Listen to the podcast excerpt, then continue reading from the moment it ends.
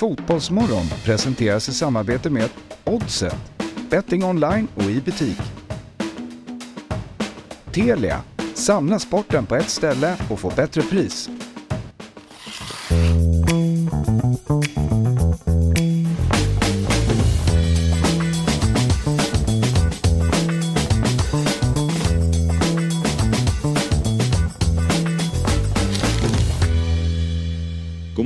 Och varmt välkomna till Fotbollsmorgons 182 morgon. Jag heter Axel Inslander som sitter här idag tillsammans med Per Frykebrant och Elsa Alm. Det nya onsdagsgänget. Jajamän, jajamän. Det är vi glada för. Verkligen. Ja, hade väldigt trevligt sist. Ja. Verkligen. Jag tänker att vi kommer att ha lika trevligt idag. Det är där vi har ribban nu. Ja, det är Vi måste rätta oss efter den. Ja, precis. Jag är glad att du öppnade upp den där Ramlösan för att eh, Emrik hade försökt kuppa in eh, några Djurgårdsfärger här. Jaha, du bröt upp jag, den konstellationen. vet, jag märkte det. Mm. Och så tänkte jag, jag var väldigt mycket så här, vilken färg ska jag ta? eh, och eh, jag, jag tog den som jag tänkte var äckligast. Ja, Okej, för att vara lite, så här, lite snäll mot er. Att när ni har någon så kanske ni vill ha. du vill egentligen ha granatäpple? Egentligen original. Ja, Ja, egentligen original. ja, Nästa gång du får ta den. Men det är lite som att ta så här, man, man går inte direkt på liksom, så här, mitten i Aladdin. Utan man tar liksom, jobbar sig utifrån Ja. och in. Lite så känner Men jag med är det vedertaget att citrus är liksom äcklig då? Eller? Jag tyckte Tänker- den är den godaste så att... eh, Nej, men jag har nog lite konstiga smaklökar där. Jag gillar inte citrussmaken du, tog, du tog egentligen den som vi båda ville ha då, jag och Elsa. Ja, jag insåg det nu att jag kunde lika gärna ta den jag tyckte det var godast. Ja. Det här Ja. är bara en efterhandskonstruktion om att du, du tog Exakt. den för att du trodde Ja. att du ville ha de andra. Exakt, jag Ja. försöker höja mig själv lite här. Men, ja. Vi eh, gillar ju temadagar här i Fotbollsmorgon. Mm. Och idag är det faktiskt tre stycken temadagar. Det är alltså lakritsdagen, linssoppans dag och, håll i er nu, den internationella dagen för bemannade rymdfärder. Okej. Oj, Ja.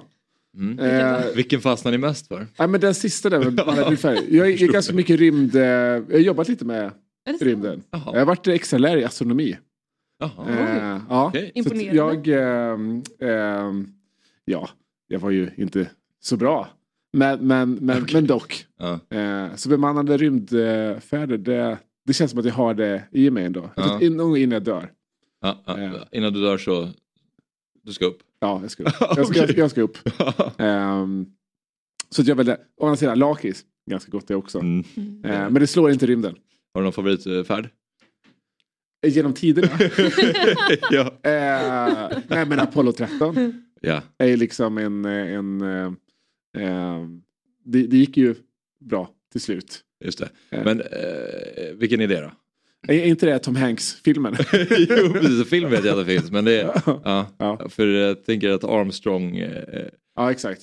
uppskjutningen. Ja, jag var inte så bra lärare. Gissar lite. Jag tror, Ja. Och jag är också extra lärare. Så visst, de som hade extra svårt ja, fick okej. komma till mig. ja, okej. Jag får börja förstå varför.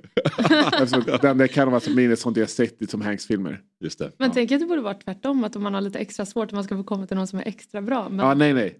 Nej, nej. Inte i dagens skolsystem. då det är, tvärtom. då är, det, då är det tvärtom. Då är det tvärtom. Ja. Ja. Du då alltså? Eh, ja, alltså, eh, inte, tänker- inte tre höjda dagar för mig. Jag ska Nej. ändå erkänna det. Men eh, linssoppans dag känns ju extra svag dessutom. ja, i, det här, i den här konkurrensen Ja, verkligen. var den väldigt svag. Ja, du konsumerar inte så mycket linssoppa. Nej, Nej. jag gör inte det. Men, eh, fast jag tycker det är gott dock. Men jag är ju fruktansvärd på att laga mat så att jag lagar typ ingen mat. Mm. Men eh, jag kör på rymdspåret Ja. också då. Mm. Det är mycket köpmat och, och sådär. Det blir väldigt, väldigt mycket köpmat. Ja, ja. väldigt mycket köpmat. Det är vår generation, det är bekvämt. Ja, det är verkligen Mm, det. Är verkligen Som jag älskar det. Du också? Ja, gud ja, gud ja. Det är det bästa jag vet med vår generation. Att vi kan köpa mat. Att man slipper Ja, ställa sig exakt, i köket. exakt. Ja. Ja. men eh, vi satt ju här eh, innan påsken precis hade dragit igång då. Då pratade vi lite påsk. Hur, hur har påsken varit? Nej, men fantastiskt. Har varit bra mot dig? Ja, gud. Det, det är min favorithögtid. Och vi pratar favoritsaker, favoritmat. Alltså jag är galen i, jag är en äggknarkare. Eh, jag, eh, alltså, jag har ju även påskägg och så på, på jul. Liksom. Så alla Du har former, påskägg på jul? ja, alla former av ägg. Alltså, det är mitt stora missbruk. Okej. Eh, och Men- även då i liksom godisform. Så att det ska liksom... Men då vet du, alltså för nu börjar ju riktiga högtiden egentligen, alltså när rean på godiset kommer. Ja. Det är alltså stark rekommendation. Man ska inte köpa något godis innan påsk egentligen Nej. utan nu så rear de ut allting som de har lagt så här i Exakt. påskförpackning. Det har varit stora köer här på, på Kungsgatan i Stockholm. Patagonia har haft en här outlet-affär. Det var flera hundra meters kö. Liksom. Jag gör ju samma sak du, fast med, liksom, på varje godisställe. Jag köar i fem timmar för att få den där utförsäljningen av de här sega äggen. Men vadå, på julen, då vill du att så här, nu går vi och jagar, eh, nu går vi på, på ägg, påskäggsjakt Ja, med familjen. ja. Och de köper det? Nej, det är alldeles, det Nej, det har du inte gjort Men liksom, jag tycker så här, traditioner, de skapar man själv. Ja, just det. Liksom. Mm, Så kan jag föra vidare det till mina avkommor.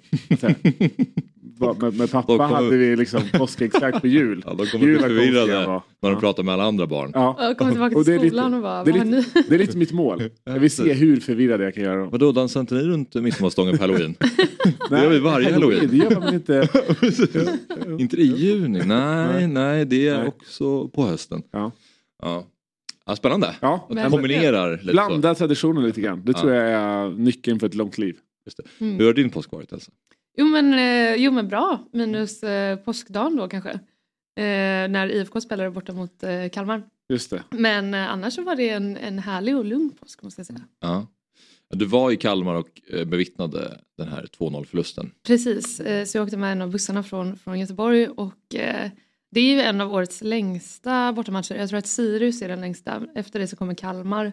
Eh, och vi torskar liksom alltid där, eller vi vinner aldrig i alla fall. Ja. Så det är alltid så, lång resa, aldrig liksom eh, bra matcher. Mm. Och sen den här långa, långa vägen hem, det är typ så fem timmars buss liksom. Mm. Men det, det var kul, minusmatchen.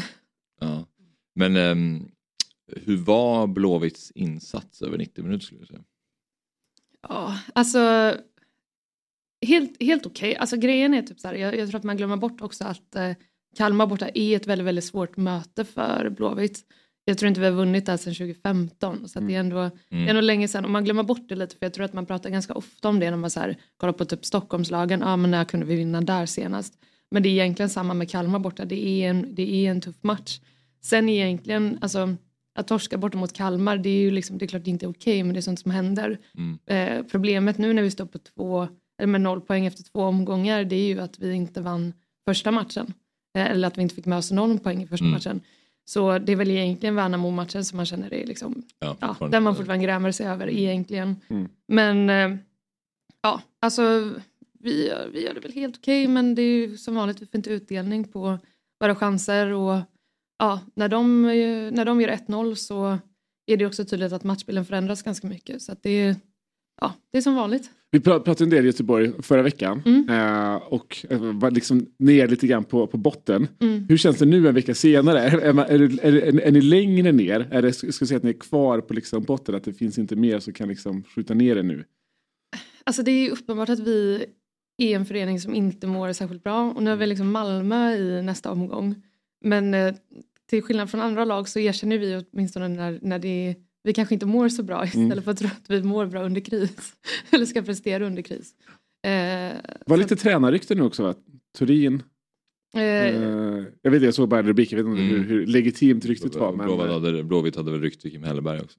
just, det, just det, Hellberg var det Ja, kanske. och Eh, eh, Tony Koskela från Finland. Fast det har ju ryktats om i flera Ja. alltså, veckor. Eh, ja.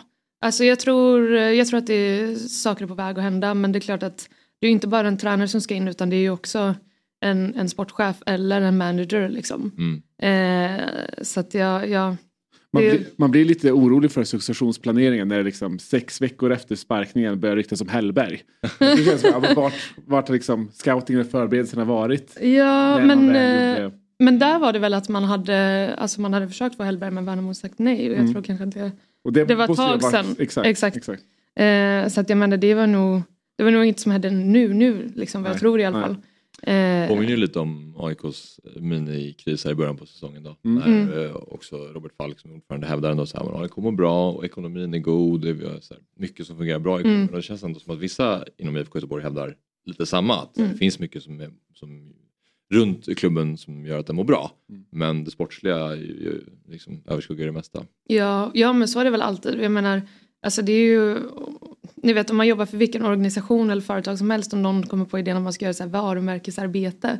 Det är alltid bara för att så här, det går inte bra. Du behöver aldrig liksom varumärkesarbeta i, i framgång. Liksom. Utan då, då kommer det ju alltid av sig självt. Och det är väl det liksom, att, så här, det, det är klart att eh, det är väldigt mycket kring IFK Göteborg som fortfarande fungerar bra. Alltså, ja, det, det vore dumt att säga någonting annat men kommer inte resultaten med oss så är det ju klart att då försvinner ju allt det. Eh, Mm. det spelar ju ingen roll. Liksom. Eh, ja, I supporters ögon och i mina ögon också. Det är klart man, man blir bara frustrerad men vill ju bara att det, det är på plan det ska ske liksom. Mm. Eh, framgångarna. Så att, ja. Men det, det ligger ju en sanning i det. Det är mycket som mår bra kring IFK Göteborg också. Mm. Jag tror det är viktigt att inte glömma bort det bara för att man ja, har inlett säsongen på eh, värsta tänkbara sätt. Liksom. Mm, mm. Vi har en liten eh, efterlysning. Eh, Under påskhelgen så spelades det inte bara matcher i Allsvenskan och i Superettan, även i division 5 nordvästra Skåne. Kopparmöllan ställdes mot Rå IF där de sistnämnda gick segrande ur fighten och vann alltså med 5-0. Oj vilket mysigt möte. Vad sa du? Vilket mysigt möte. Ja, precis. Och det som vi vill plocka fram här är ju att det sista målet i den här matchen gjordes av Rås målvakt som klev upp och bombade in en frispark i krysset. Vi tar och tittar på eh, det här Ja. eh, väldigt snygga målet. Det gäller ju att hänga med på vilken pixel som är bollen. Eh, Verkligen. Alltså, ju verkligen så här att trots att det här, var det här nu? Alltså i helgen? eh, ja, jag tolkar det så. Ja. Ja. Mm. Älskar så det här är liksom nu. Mm. Och det är liksom 23 pixlar totalt Ja. i den där framen. Det ser ut som att Eh. någon har filmat med typ så iPhone 3. Ja. Ja, exakt. exakt. Ja, Eh, och trots att det liksom är så här, men det, det, det är bra att det är division 6 så ska det vara lite sämre kvalitet. Men herregud vilken frispark. Det där är ju... Det var inte en Samsung Galaxy S23 Ultra. Det var det inte. Nej. De skulle skicka in det här istället till, till fototävlingen. Ja. eh, men men, men, men eh, nej, fantastiskt mål. Alltså, den där är ju, det där är ju världsklass. Ja, Det är få som är där uppe och tävlar. Det- frispark som hela tiden stiger. Jag undrar om den går bredvid Ja. muren eller hur? Precis. Jag, Ja. jag kunde inte riktigt se hur den färdades. Nej, jag, skulle, jag skulle tippa på inte så mycket skruv. Nej. Men, men eh, det, är, det är en ren gissning. Ja. eh, ska vi se. Jag vet, Ja, nu vi, vi har den Ja. igen. Eh, och Men muren, Jo, alltså men det är det väl en är skruv på jätte... den där, va? Ja men det är väl också en jättelucka i muren eller? ja, det är dålig mur. Ja. Ja, Jag ja, ja men det, var, det är ju snyggt oavsett. Ja, den går ändå över muren med lite såg ut som var lite mer wobbel nu Ja. på den här när jag såg den nu än tidigare. Men, Men- äh, en otroligt snygg frispark. Verkligen. Och väldigt viktigt just det där med att liksom ökar hela tiden. Att den inte liksom Mm. Ja. åker ner lite grann så. Väldigt viktigt för en, för en snygg frispark. Vem var målskytten? Ja, vi vill ju gärna komma i kontakt med den här eh, målvakten som heter Mm. Marcus Werner Ryprecht. Eh, och han är lite svår att få tag på så det är därför vi, vi också vill visa upp det här och, och undrar om det är någon tittare eller lyssnare som kan hjälpa oss att få kontakt med Marcus. Det vore kul att, att få prata med honom och höra om Ja, hans eh, verkligen. otroliga frisparksfot. Ja. Otrolig. Han, eh, där har eh, Jan Sommer någonting att eh, titta upp på. ja. Verkligen. Faktiskt. En bra övergång. För jag tycker att det är dags att prata lite om den fotboll som spelades igår. Jag hade dels Benfica-Inter där Inter vann med 2-0. Vi hade Manchester City mot Bayern München. där City vann oss med 3-0 eh, de två Champions League-matcherna. Sen hade vi Sverige som mötte Norge. Där blev det 3-3 i VM-genrepet. Men vi ska prata med Petter Landén om en kvart som ju är eh, Manchester City-supporter. Prata lite mer om den matchen men jag tänkte vi skulle börja lite kort i alla fall. Och för vi alla tre såg det, du såg den på en skakig lina på tåget. Ja. Eh, Men eh, vad säger vi Per om, ja, det var väl ändå en, en minislakt här på Etihad av Bayern München. Ja, eh, ja exakt, exakt. Väldigt förvånad efterhand. Jag, jag trodde, det var också, det var en underhållande match ska man ju först och främst säga. Det var ju, alltså så här långt den här säsongen, om vi räknar bort VM såklart med klubblaget, så är det den största matchen. Eh, och den man sett fram mest emot. Eh, och led upp hyfsat bra till förväntningarna. Alltså det var nog också två halvlekar som man kunde dra sina ganska tydliga slutsatser kring. Och för respektive halvlek var de slutsatserna ganska diametralt motsatta varandra. Första halvlek var liksom så här, okej hur bra är inte Bayern München egentligen? De kommer hit, de har all boll, eh, okej, skapar inte jättemycket men det liksom, City har inte en chans i det här dubbelmötet. Nej. Eh, till att bli ja, men lite ett, ett, ett fiasko för, för Thomas Tuchel. För den stora Mm. vinnaren igår är ju Julian Nagelsmann. Eh, att man liksom går och gör det bytet. Nu Ja. är det, man är ute ur kuppen Ja. eh, direkt. Man åker ur förmodligen Champions Mm. League direkt. Mm. Eh, sättet man gör det på också i ganska ett högt spelande, liksom, ett högt taktiskt spel från Ja. Tuchel i att Eh, lämna ute liksom en, en sån erfaren spelare som Thomas Müller när du är ganska ny som tränare ska implementera ett nytt Mm. spel. Du chansar stenhårt på att det ska vara eh, ett snabbt omställningsspel som matchen bygger på och det blir precis tvärtom. Mm. Eh, det är klart att säga att det här är ju, ja, det var en risk att låta Thomas Tuchel gå till Real Madrid i sommar. Mm. Men kanske var det en större risk att ta in honom. För nu är det liksom, nu har man åkt ur direkt Mm. förmodligen. Mm. Eh, I de två eh, cuperna man har Ja, kunnat ja. eh, åka ur. ur. Och eh, eh, skulle man även trassla till i ligan så är det ju en eh, katastrofal eh, utnämning Mm. av tränare. Men är det inte det lite, alltså snabbt påtänkt också då? Jag menar hur många dagar har han fått på sig? Typ tio? Ja, Alltså det är ju, det är ju själva läget egentligen att man gör det just nu som är det sjuka egentligen. Men som sagt man hade väl ändå chans på, på trippen och någonstans ändå kunde gå för det men, eh, men att göra det tränarbytet känns väl i efterhand som dumt även om jag håller jätte, jättehögt som tränare. Mm. ja, Ja, absolut. ja det är ju så för att vi sitter med facit i hand nu och sett hur det har gått men jag tror när, det var ju många som ändå var väldigt positiva till att få in Thomas Tuchel när det hände. ja, Även om Nagelsmann är en, en bra tränare men som du säger det är Ja. han som sitter och njuter mest nu. Ja, det var Tuchel är ju jättebra tränare. Han Ja. är en bättre tränare än Nagelsmann. Eh, och han kommer göra det jättebra i Bayern. Men det är bara det så här, att, Läget man gör det, ja, ja. hur stor risk var det att vänta i två veckor Ja. för Bayern egentligen? Ja. Ehm, men, men, men sen så finns det såklart, det är ju så här, nu, nu låter man som en så här fotbollsexpert i, i SVT på, på 90-talet. Men det är verkligen så att när det är så där två, två så bra lag som möts, det blir ju på liksom individuella prestationer och, Ja. och misstag. Eh, och där är ju Upamecano i en klass för sig igår. Ja. Alltså länge sedan man såg en så dålig insats i en, i en halvlek som man gjorde. Där. Ja. För det är ju det är tack vare honom som eh, det blir det här resultatet. Eh, Jan Sommer håller ner siffrorna. Mm. Också. Eh, Det var, väl- tydligen hyllas han ju väldigt mycket i halvtidssnacket i Ja. studion. Vilket är så här rimligt, han är ju en fantastisk back egentligen. Och Ja, så kommer han ut och, och gör den där insatsen. Absolut. Men framförallt ganska duktig i liksom duellspelet väl. Han är väl inte jätteduktig på att så driva upp boll och Nej. det är ju där han gör de största misstagen Ja. i, Så han Ja. har väl det mesta i grund och botten. Jag vet inte vad som hände, det känns som att han var bara off på allt. under isen totalt. Ja. Och det där första incidenten ganska snabbt efter halvtidspausen när han liksom, eh, ja, dålig kommunikation- med Jan Sommer, han, han skjuter ner den. Eh, jag vet inte hur man ska förklara den. Men ni kommer ihåg situationen. Det är bara så, det, det där är ett hjärnsläpp. Mm. Liksom. Han tänker ju inte ens. Nej. Ehm, så jag är väldigt, väldigt förvånad att se det av, ehm, av honom. Mm. Vi återkommer till våra matcher. Vi ska prata eh, mer om det och dels med Petter Landén om ungefär 10 minuter. Nu ska vi bara titta till våran fototävling med Samsung. Eh, vi ska tävla om vem som tagit den bästa fotbollsbilden. Och eh, vi går igenom reglerna lite snabbt här då. Den pågår fram till 24 april den här tävlingen och man deltar genom att skicka sitt bidrag till eh, fo- eh, fotbollsmorgon.dobb.se. Och eh, den som tävlar måste ange namn, ort och vara den som tagit bilden samt ger Fotbollsmorgon då visningsrätten för bilden genom att delta i tävlingen.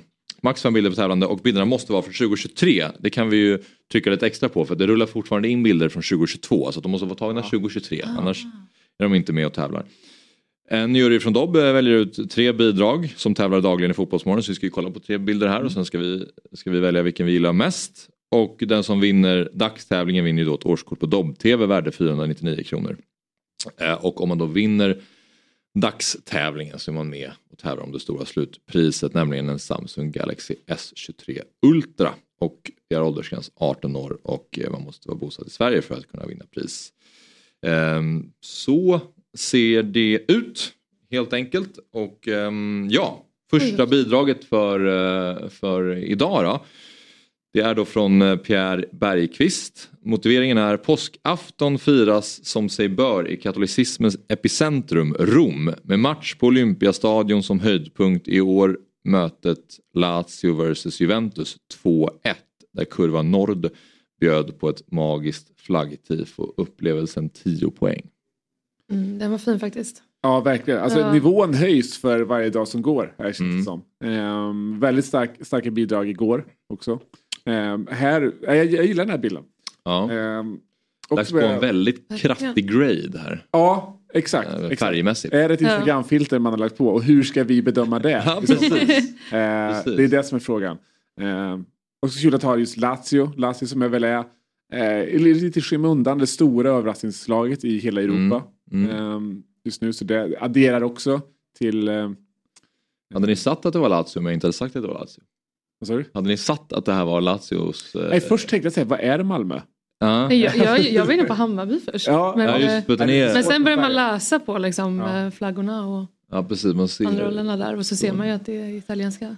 Ja men eh, Men fint fin. bidrag från Pierre. Mm. Och nästa kommer då från Filip eh, Örnesvat. Örnestav, jag precis tänkte att det kändes som att det var någon som hade skrivit fel här. Örnestav och då står det Första vårmatchen är ju inte mycket som slår helt enkelt. Det här är ju Sirius. Otrolig, otrolig allsvensk eh, aura på det där. Ja. Det känns väldigt mycket allsvenskan. Ja, det gör det. Men eh, ölen är med i bilden. Mm. Vi Ja, har man eh, allt tifot. viktiga. Mm. Ja, Allt det vi har efterfrågan. grann. eh, och så, Ja. så är det ju så fint med den där läktaren som går in i, liksom, i kontors, kontorshus. Eh, det Precis. är, Ja, det är eh, fina kontraster. ja, ja, men verkligen. mm. Okej, och Det är eh. Bussmottagningen Sista- gissar jag. eh, bilden är från Peter Eriksson. Bilden är tagen från bussmottagningen inför AIK mot Norrköping. Ja. Mm. Precis. Också en otrolig bild. Ja, är den här, eh, den här gillar jag. Alltså, det, är ju, det är lätt för mig att rösta på den här för att jag Ja. är aik men den är ju den bästa bilden. Absolut. Ja, den är precis, Alltså jag kan inte Det är svårare för mig att rösta på Även- den. Ja. Även, även förra veckan hade vi med en bild som var ganska lik den här från, eh, då var, jag tror det var Djurgården. Mm. Det var lite liksom samma, eh, samma känsla. Den här är ännu mer liksom estetiskt perfekt. Mm. Liksom, Mm. eh, med, med symmetrin och allt det där. Så den, eh, eh, bra bidrag men, men eh, den, den, den sticker ut rent konstnärligt. Det gör den nog Ja, faktiskt. sen, sen så ska det ju sägas att man får ganska mycket gratis när man går på den här bussmottagningen för det är ju mycket rök överallt, Ja. det är bengaler som bränns av och det, det blir ganska Ja. lätt att ha en häftig bild. Eh, kan jag Det tänka är ju en mäktig samling såklart. Vad sa du? Det är en mäktig samling såklart. Ja, precis, och det är mycket som händer och det finns mycket att Mm. eh, fota men just att det är två personer i centrum och hela röken ligger ovanför dem. Och det, jag vet inte, den var ändå Ja. snyggt. Den känns verkligen. inte som att de bara tog den i farten utan det känns som att Peter ansträngde sig för att den skulle bli snygg. Exakt. Det här skulle man kunna ha liksom upphängd hemma. Ja. Även om man inte är AIK-supporter, jag är inte AIK-supporter, men jag skulle Nej. kunna ha den någonstans. Få fråga där hemma vart jag får ha den. Ja. inte helt säker på det. Eh, Ja. Mm. Okej, men det låter ändå som att vi landar. det är mitt, eh, det är mitt val. Det är mitt val. Vad säger du Elsa? Eh, Är det någon du... Jag- får eh, rösta på eh, flaggtifot för att vara lite motvalls. Ja. Ja. Men eh, jag tyckte den, nu när man ser dem alla tre bredvid varandra så tycker jag den har något extra faktiskt. Den eh, längst vänster alltså? Mm, ja. precis. Alltså jag gillar ju den också just för att eh, jag gillar ändå att Pierre har ansträngt sig och även om det kanske är ett filter han har lagt på tryck på Ja. en knapp Ja. så har han i alla fall gjort det. Ja, och ja, försökt ja. att eh, få bilden att bli ännu, ännu liksom, mäktigare. Verkligen. Ehm, och eh, cred till Filip också men den i mitten var väl mm, känns minst eh, Ja, det är hård, är stick- hård konkurrens. den sticker inte ut lika mycket som de andra. Nej, nej. Nej. Exakt. Men Den är ju fin också men som sagt det är, Men det är många vad, fina bilder idag. Ja. Ja. vad, vad väljer du då? Jag väljer ju eh, Peters bild. Ja. Ja. Mm. Men jag gillar inte att det var jag som behövde fundera. Du får också välja Peters bild. Kan inte jag få välja ettan så väljer du trean. Okej då, okej då. vi Bra. kör på det. Vi kör på Bra, det. jag väljer Pierre. Mm. Jag väljer eh, trean. Perfekt. Mm. Äh, synd att ni är tvungna att ta AIK-bilden. Men förstår er. Sånt den var ju också snygg. Sånt. Ja. Mm. Mm. Ja, men grattis Peter Eriksson eh, till ett årskort på Dobb TV och eh, för att du då är med och tävlar om Samsung Galaxy S23 Ultra. Och säger tack till Telia och Samsung som är med och sponsrar Fotbollsmorgon. När är finalen? Ja precis, det är väl då, för det pågår ju till den 24 april. Mm. Så jag vet inte om vi då kör det 25 om det är så att Ja. sista dagen är 24 för alla dagsbidragen. Så vi återkommer mer kring när vi ko- berättar vem som har tagit hem det stora priset. Mm. Vi gör detta avsnitt i samarbete med Telia och nu är det ju dags för kvartsfinaler i Champions League som visas hos Telia. Benfica, Inter, City, Bayern München, Real Madrid, Chelsea och Milan mot Napoli. Hur tror du att eh, Champions League slutar Jesper? Det är äntligen dags för Pep Guardiola att få lyfta bucklan i Manchester City. Jag tror att man med Erling Braut Haaland i toppslag och en Kevin De Bruyne som har växlat upp slår ut Bayern München i ett tätt möte. Sen tar man Real Madrid av bara farten och i finalen väntar Napoli och där är man helt enkelt för bra. Så att Manchester City, de vinner Champions League säsongen 22-23. Ja. Och jag tror ju att Bayern München skickar ut ditt City då. För jag tror att eh, under eh, Thomas Tuchel så är de betydligt bättre och vi såg vad han gjorde när han klev in i Chelsea och tog dem hela vägen till den där Champions League-bucklan. Som sagt, slutspelet av Champions League och avslutningen av Premier League ses hos Telia igen. Jajamän, och hos Telia kan du verkligen samla alla sporter, matcher och ligor på ett ställe med den fantastiska tjänsten Telia Play. I appen kan du streama alla matcher live eller i efterhand om du skulle vilja det. Och utöver alla sportsändningar så kan du såklart se alla filmer och serier som finns hos Viaplay, Simor och Telia. Du kan också lägga till HBO Max utan extra kostnad. Så är det. Samla allt innehåll från Viaplay, Simor och Telia på ett ställe. Dessutom ingår Allsvenskan nu från Discovery+. Och priset då? Jo, det är kostnadsfritt i en månad. Därefter kostar det 749 kronor per månad. Det stämmer, du sparar alltså över 500 kronor i månaden jämfört med att köpa tjänsterna separat. Tack till Telia som är med och sponsrar Fotbollsmorgon. Nu alldeles strax så ska vi ringa upp eh, Petter. Men eh, vi kan väl, eh, ingen av oss såg ju Benfica Inter. Nej. Nej. Men, nej, det var ju en del matcher igår. Ja. Ehm, men nej, och, och det var ju egentligen, alltså, även om 3-0 City var, var väldigt överraskande så var ju in, Inters 2-0 vinst en, en större skräll. Det där såg jag verkligen inte Mm. framför mig. Jag, för det första var ju Benfica stor favorit, eller favoriter ja. eh, i, i, för det här dubbelmötet. Många har den som en dark horse till finalen och det tycker inte jag är så farfetched. Eller var inte så farfetched Mm. i alla fall. Eh, och jag tro, trodde dock att så här, ska Benfica vidare, de behöver nog ha ett eller kanske två måls marginal från sig, från Portugal. Mm. För att det här var liksom, de möter ett eh, Inter nu som för bara några veckor sedan krabb, verkligen kravlar sig vidare mot Porto som Benfica har 10 poäng på i ligan. Mm. Eh, men det är ju, eh, den här eh, dubbelmötet det är, det är dött nu. Nu är, nu är inte det vidare. Överraskande ändå ju. Ja, verkligen, verkligen. Verkligen. Eh, och jag tror också, lite kul, för jag, jag tror faktiskt att Milan tar Napoli. Nu med Osimhen Ja. borta, eh, Simeone borta, de har Raspadori på topp. Precis, det är Raspadori som ska Exakt. göra det. Och även om han, kanske. han är inte kattpiss heller, men han är inte långt ifrån. Men också, Utifrån en jämförelse Nej, med, med de andra. Precis. Eh, så att ha en, en, en Champions League-semifinal med Milan-Inter, det kittlar ju. Det kittlar väldigt, väldigt mycket. Mm. men också med tanke på hur det såg ut senast eh, Milan-Napoli möttes i ligan. Vad är det för en vecka sedan, en och en halv? Ja, precis. Eh, då känner man ju ändå att det är lite fördel Milan inför även den här matchen. Ja, Ja, det har ju svängt enormt eh, Ja. efter den där 4-0-segern på ja. eh, Estadio Diego Armando Maradona. Precis, precis. Och jag, tro, jag trodde också att säga, ja, men den 4-0 var liksom, alltså, är bättre för Napoli i dubbelmötet för att säga, då är det liksom, här, då har man verkligen någonting att liksom, ge igen Ja, på. ja. Nu känns det som att så här, man inte kanske riktigt har alla medel för att göra det. I alla Mm. fall, man behöver ha ett så här, 0-0 från Milans hemmamöte till att ta med sig. För att eh, Osimhen kan ju komma tillbaka till, Mm. till nästa möte Mm. där, men, men eh, osäkert. Men nej, största, största skrällen igår. Mm. Eh, och eh, Ja, vi, ska, vi ska prata mer också om de matcher som ska spelas i, ikväll. Eh, men eh, som sagt också på Gamla Ullevi så mötte Sverige eh, Norge. Det blev Mm. 3-3 i en svängig match. Det har inte varit ett optimalt, en optimal uppladdning för damerna inför VM i sommar. nej, vad är förlust? Torsk mot Danmark i slutsekunden. Mm. Nu eh, kryss mot Norge. Kelly Seger skadad. Mm. Mm. Se länge den, det, det är ja, oroväckande uppladdning. Ja, man märker också hur mycket hon betyder för laget just för att det är så många som blir påverkade. Det är inte bara hon som känner att hon är ledsen för sin skada. Det känns som att det är Nej. fler Mm, runt om mm. som verkligen vill att hon ska få spela och att hon ska må bra generellt. Ja. Så det, det påverkar väl laget. Verkligen, och jag menar man var ändå inne lite i en, alltså en generationsväxling nu tycker jag efter liksom, mästerskapet förra sommaren där man Mm. kanske var tvungen att bygga om. Eh, och det är klart att det känns inte som att man har lyckats med det fullt ut med tanke på att resultaten inte riktigt går, går med laget. Så Mm. att, eh, ja, känns ganska tufft för, för damlandslaget just nu. Ja, verkligen. Eh, och att det är Norge också, det gör lite extra ont. Senast vi pratade Norge, Ja. pratade om majs. Att de har majs på liksom pizza och allting. Var i Norge igen förra veckan, käkade en hamburgare. Majs.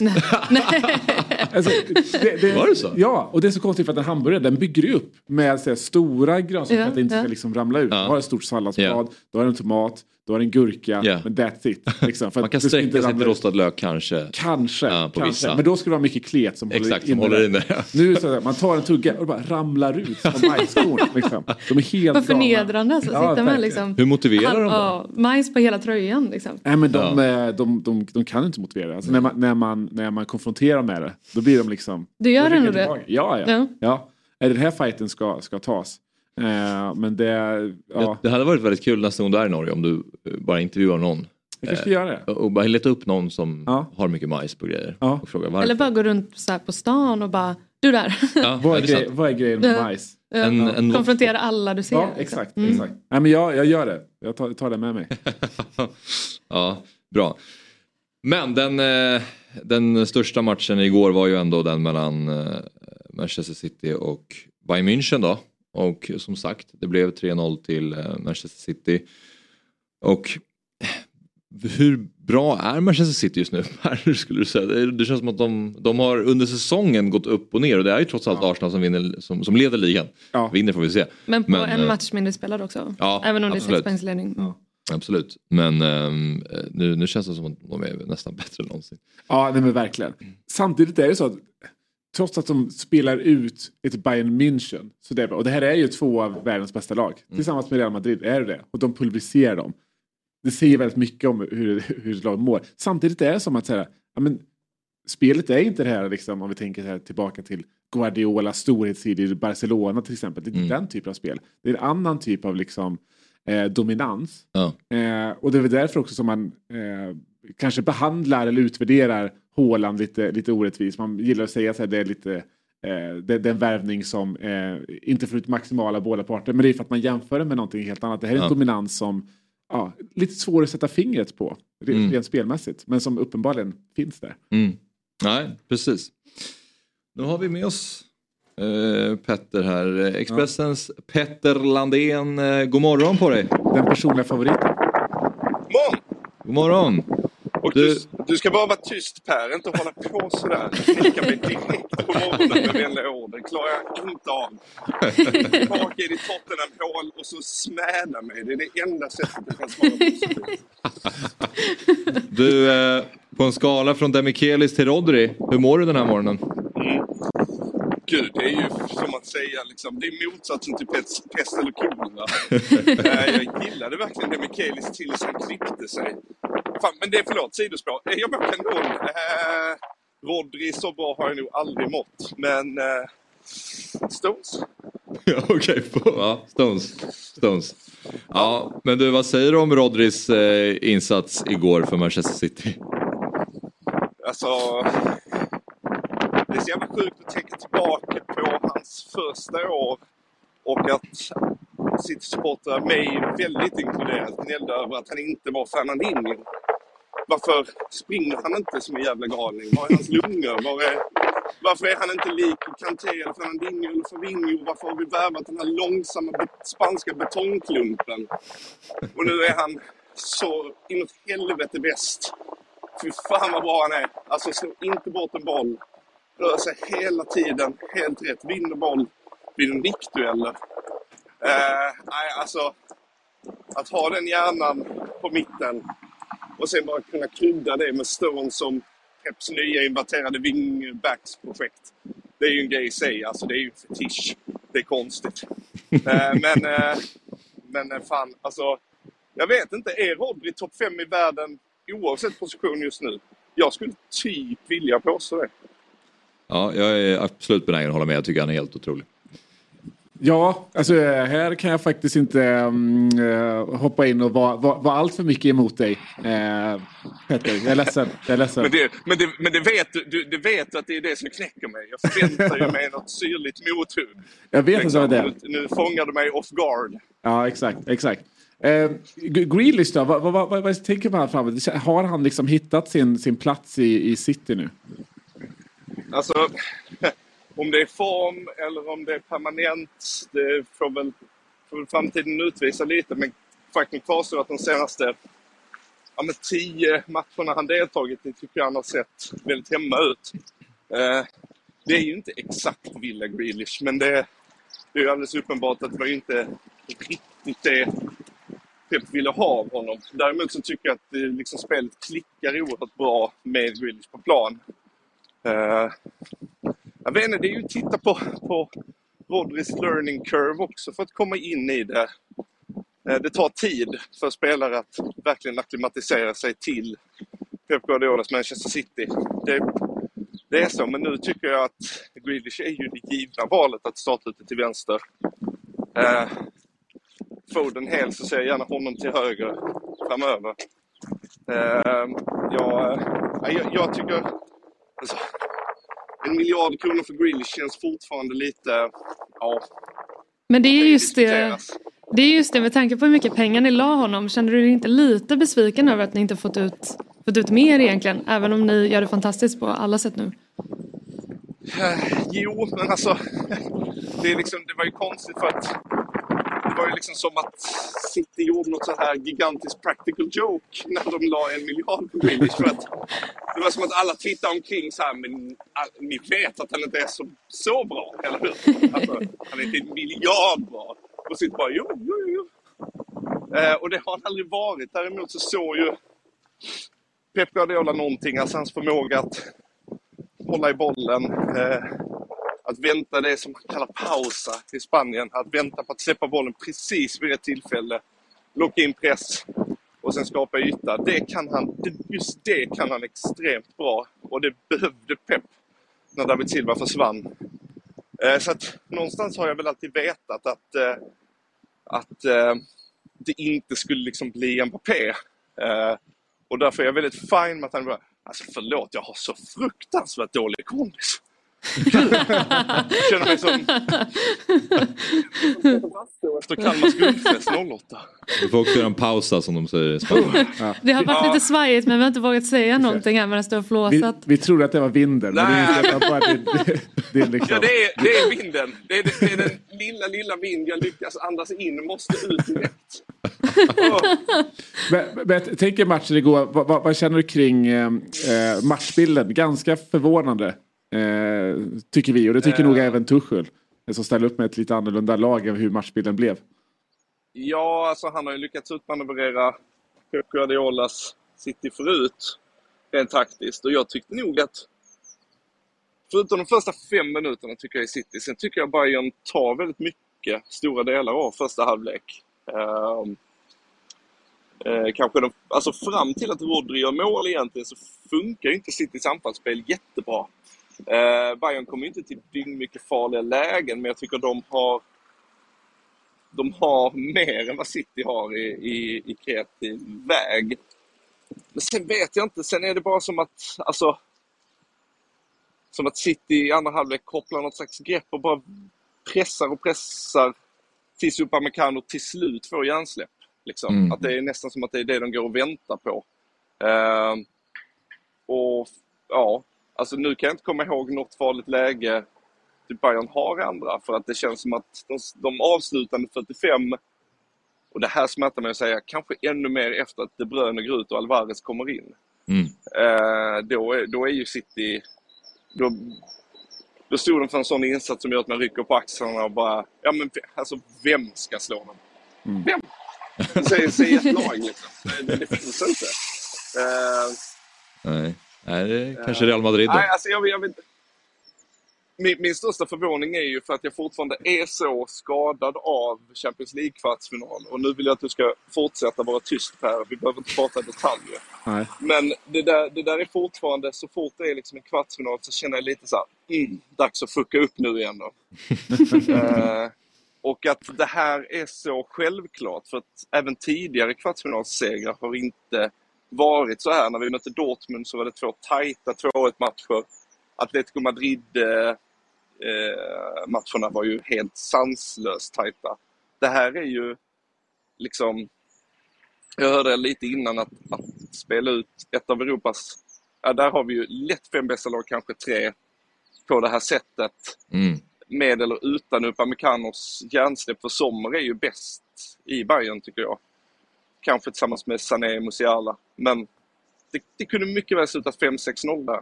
Ja. Men du, jag reagerade lite på när Cancelo byttes in så blev han ju ganska rejält utbuad. Eh, Mm. Har du samma känslor för Cancelo som publiken hade när han klev in där? Nej, alltså tyckte det var lite uncalled for faktiskt. Alltså att, att det blev tydligt att det inte riktigt funkade i omklädningsrummet och att han spred lite dålig stämning. Ja, men vadå, han tyckte att Pep Guardiola var ett rövhål. Det är ju liksom objektivt sant. Antagligen. uh, ja men vad fan. Det är ju så. De topptränarna top, top, är ju liksom inte dagisföreståndare. Uh, jag tyckte, alltså Cancelo har inte gjort någonting mot City som egentligen eh, legitimerar att han buras ut. Jag tyckte det var lite patetiskt av City på det sättet. Ja. Jag tyckte ändå att så här, det, det snackas ju mycket om att, Citys, att det är mycket turister och att det inte är så bra stämning på Etihad mm. och sådär. Så därför kände jag, okej okay, de, har, de har i alla fall koll på liksom att det är en gubbe som har varit i klubben och han har inte betett sig bra i omklädningsrummet så de tycker att han ska buas ut. Ja. Det var nästan så här, okej okay, bra de är med på noterna här. Stiger det nästan upp lite? Ja. ja. Det gladde mig lite. Ja, men vad fan. Ja, ja men det är ju, det är ju skönt alltså, eh, att, du, att du känner så. Jag vet inte om du har varit på en Premier League-läktare för äh, Axel, men det, det, finns turister även på Old Trafford och Emirates kan jag berätta. Jo, jo men det är jag med på. Uh, men du kanske förstår ja. vad, jag, vad jag menar. Ja, men... ja, jag förstår vad du menar, men om, om du ska komma med sådana dolkhugg så får jag komma ja. Men du... Uh... nej, men alltså men, men det, var, det var lite hårt. Jag fattade typ när Milner kom tillbaka, det var en spelare jag uppskattade mer än Cancelo. Uh, men att han burades ut. Uh, men uh, mm. alltså det här var ju lite hårt. Alltså typ, han kallades Mr Cancelo och Pep. Skeppades direkt till Bayern. Det var ju inte så att, så att det blev liksom en, en, en krissituation av det. Nej, jag, nej. Visst, jag, jag, jag hör vad du säger, men vad fan. Låt Nej. den stackars portugisen vi ska skeppa för reapris i sommar ja, Absolut. Men du, du nämnde att det blev eh, bättre när Alvarez klev in och eh, Kevin De Bruyne klev mm. ut. Vad tänker du om Kevin mm. De Bruynes säsong? Han har börjat komma igång lite nu mot slutet, men nu kanske han är, nu får vi se hur länge han är borta. Hur mycket tror du att det påverkar City om han skulle vara borta under alltså, resten av CL? Enligt Pep så var det ju mer av taktiska orsaker än skada han bytte ut okay. honom. Uh, så min förhoppning är att det inte ska vara särskilt allvarligt alls. Uh, sen just, just nu, alltså vi har sett De Bruyne vara borta längre perioder förr. Uh, säsongen 18-19 till exempel, när City spelade otrolig fotboll under the run-in. Det känns inte som att de står och faller med honom. Just nu är jag mycket mer orolig att Ruben Diaz skulle gå sönder. Eller Rodri, ja. givetvis. Alltså de, de två känns nästan som de, de viktigaste för avslutningen av säsongen. Eh, för att Rubedes, det finns ingen som, även om Stones är fantastisk, så försvarar han inte riktigt lika bra eh, som Diaz gör eh, i pressade lägen. och Rodri är ju oersättlig just nu. Alltså just det, att den naturliga ersättaren just nu Calvin Phillips som har spelat ungefär lika mycket som han, Jean-Kevin Augustin i Leeds. Eh, om ni såg den storyn. Att han spelade 48 minuter och kostat 40 millar pund. Okay. Kolla i Olof Lunds Twitter, han är rasande, det är jättekul. Okay, eh, eh, men, eh, men eh, alltså det Bruyne, det har varit en lite svajig säsong med hans standard. Så jag vet att det här, just den här typen av insats, jag satt verkligen och tänkte på det, jag satt och suckade Fan, nu får den här jävla Marcelo vatten på sin kvarn att De Bruyne gömmer sig i stora matcher. Vilket jävla röveri det här är. Jag orkar inte. Eh, jag orkar inte ta det. Det, det. det räcker med att titta på när De Bruyne ja. spelar eller titta på hans stats för att veta att han är sanslös. Ja. Eh, men jag, jag, tror just nu ser City så jävla bra ut att de inte är så beroende av hans X-egenskaper framåt. Det fixar de ändå. Eh, mm. det är värre det skulle vara mycket värre med den här typen av situation kring Rodney. Men eh, på tal om avslutningen av säsongen då. Ni har ju lite mer fördelaktigt spelschema kvar än vad Arsenal har och ligger ja, men, mm. eh, en match mindre spelad med sex poäng bakom. Vad, vad tror du om era chanser om att ta Premier League-titeln? Eh, när det eftersom vi pratar om City så är de alltid ganska goda. Eh, sen tror jag faktiskt att Arsenal, trots liksom poängtapp mot Liverpool nu och tuffare schema. Sett hur de har sett ut över hela säsongen och att de inte har Europa att balansera så eh, tycker jag fortfarande att det är fördel Arsenal. Även om det kanske, om det var 70-30 innan, kanske det är 65-35 nu. Eh, men de, gjorde ju liksom rätt värvningar i vintras, breddade laget. Vi gjorde oss av med Cancelo. Plockade egentligen inte in någonting. Eh, Jag tycker City känns känsligare, skörare inför den här perioden rent truppmässigt. Så Mm. även om allting ser så otroligt bra ut spelmässigt just nu så, så vet vi och jag att det City, de har gått på konstiga nitar för och jag tror de kommer göra det igen. Och framförallt om det blir en eh, Champions League-semi mot liksom Real. Mm. Där de Nu- ska ja. Nu kommer du hata mig eller? igen, nu kommer du hata mig igen Ja. Petter. Men jag har svårt att se efter att ha sett City gå att City inte går rent resten av säsongen. Ja men det gör de inte. Per. Nej. Det gör de inte. Nej. Jag tror också. Alltså jag, jag, Ja. Eller hur? jag, jag, jag, jag, jag, jag förstår att ni säger det, men det är liksom recency bias. Sen så gör de en sån fruktansvärd insats som jag höll på att säga bara de kan göra, som väldigt många dåliga lag kan göra. Eh, för City eh, gör så ibland. Det, det, det är så. Titta liksom början på säsongen, titta på de nitar de går på eh, och har gjort. Både denna säsongen och tidigare. Det är jag, jag, jag, tror, jag tror det kommer bli kännbart att truppen är tunnare än vad som är just i Premier League. Alltså Ja. däremot i Champions League nu. Ja, det är ju bara, det är ju bara Pep Guardiolas Champions League-hjärna som kan stoppa dem. Faktiskt. Men du Petter, ni har ju ändå... Vadå, så är det knarrade en dörr? Det lät som så här, en skräckfilm eller någonting. Det är myggan som är på väg in här. Ja. Men eh, ni har ju chans på trippen. Petter, hur många, hur många titlar tar du City när säsongen är slut skulle du, om du får eh, gissa lite här? Eh, ja, men kan, kan gardera sig minst en. Minst den. Och då är det FA-cupen Det gör de. Ja, exakt. Eh, Precis. Eh, De faller mot eh, Napoli i Champions League-finalen och faller på målsnöret för en riktigt undermålig insats mot typ Brentford hemma i ligan. så de som man tar där. Men i FA-cupen står de stolt och starkt. Bra.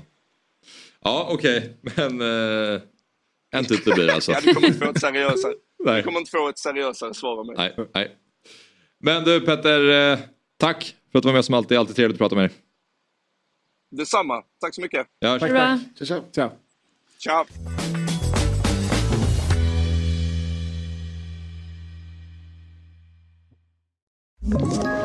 Ett poddtips från Podplay.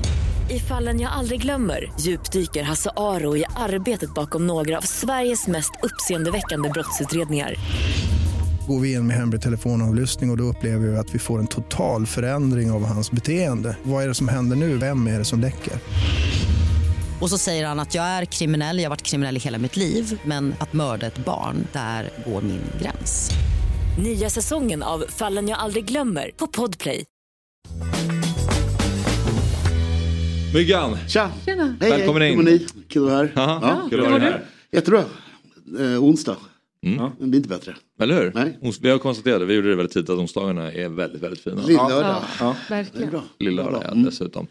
Uh, ska påminna vilka vi andra är som sitter i studion idag. Eh, jag heter ju Axel Inslander och sen har vi Per Frykebrant och så har vi Elsa Alm i studion. Uh, Myggan, såg du matchen igår? Ja, jag såg båda två. Ja. Eh, Du körde dubbelskärm. Ja, dubbelskärm. Mm, gud vad dubbelskärm ja.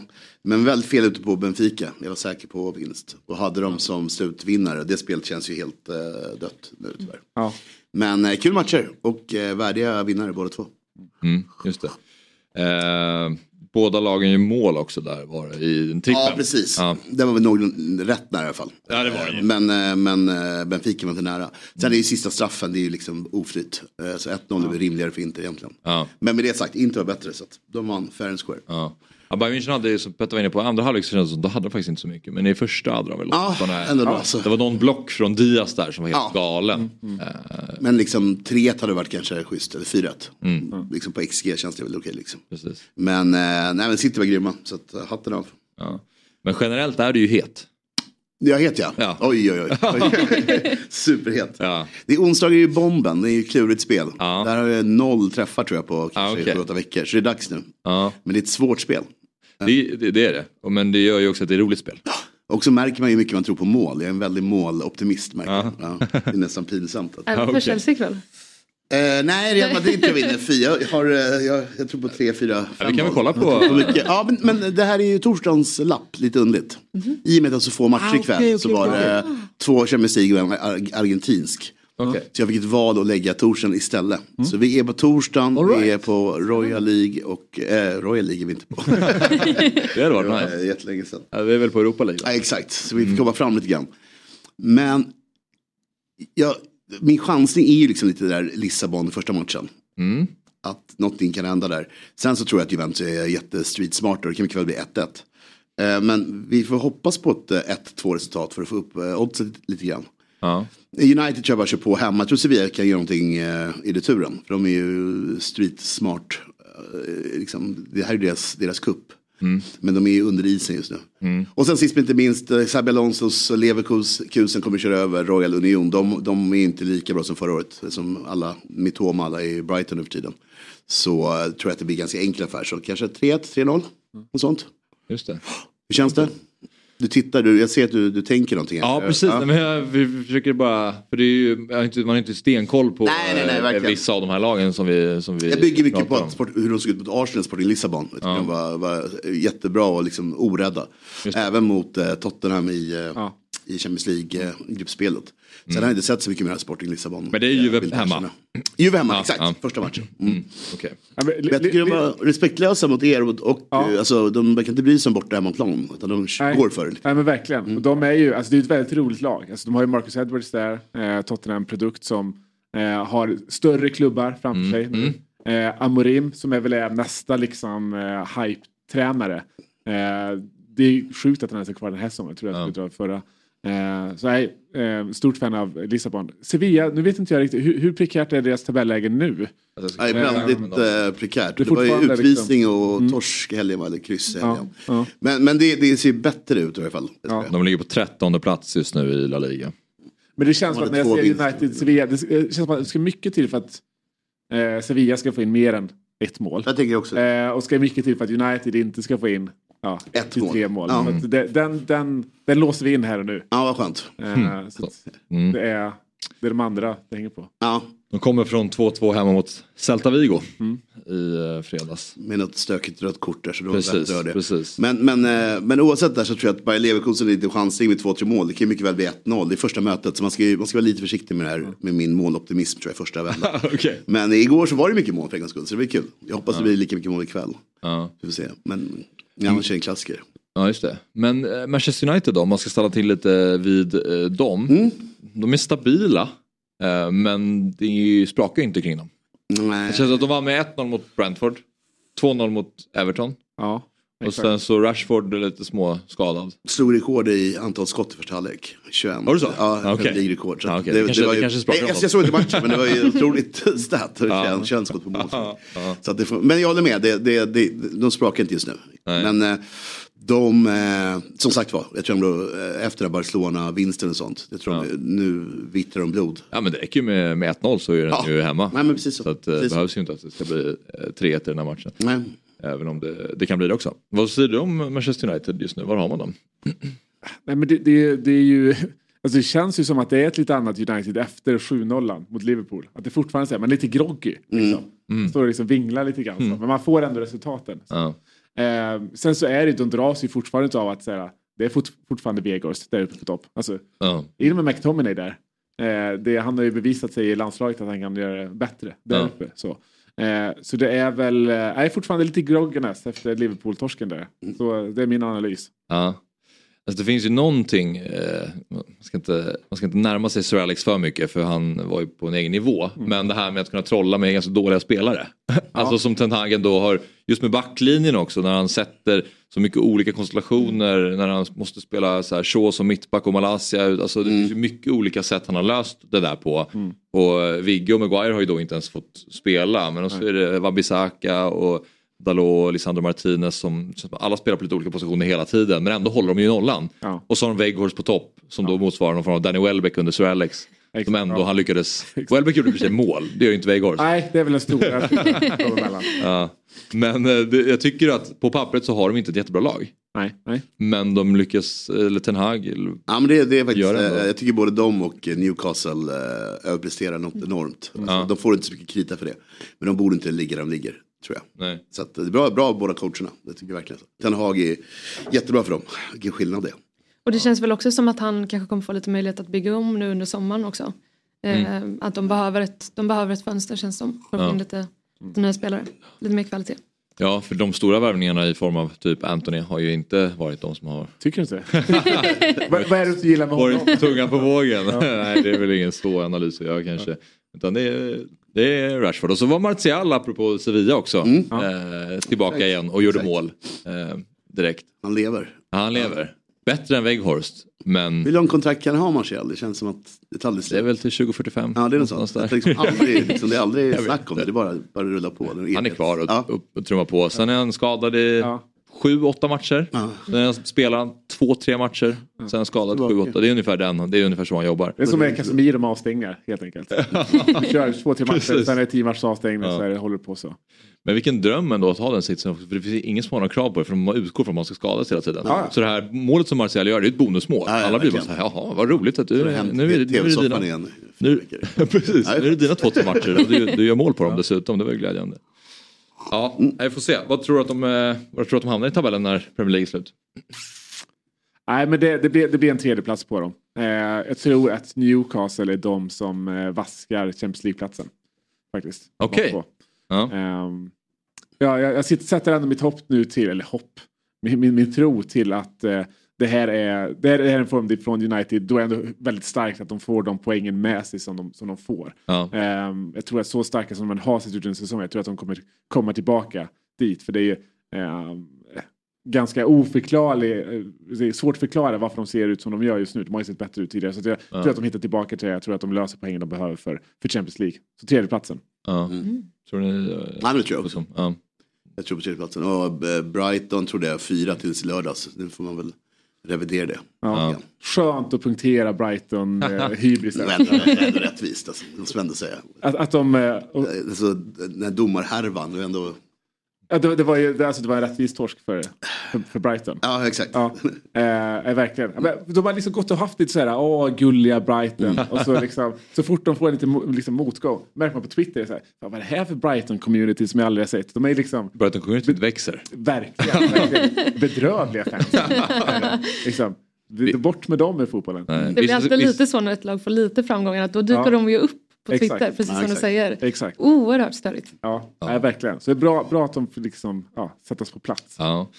Men ditt Tottenham då Per, vi ska alldeles strax gå på en kort paus men eh, 53 poäng, Ja, tre poäng upp till Manchester United och Newcastle dock en match mer spelad. ja precis. Det blir ingen Champions League för Tottenham. Eh, har båda lagen kvar Mm. att möta också.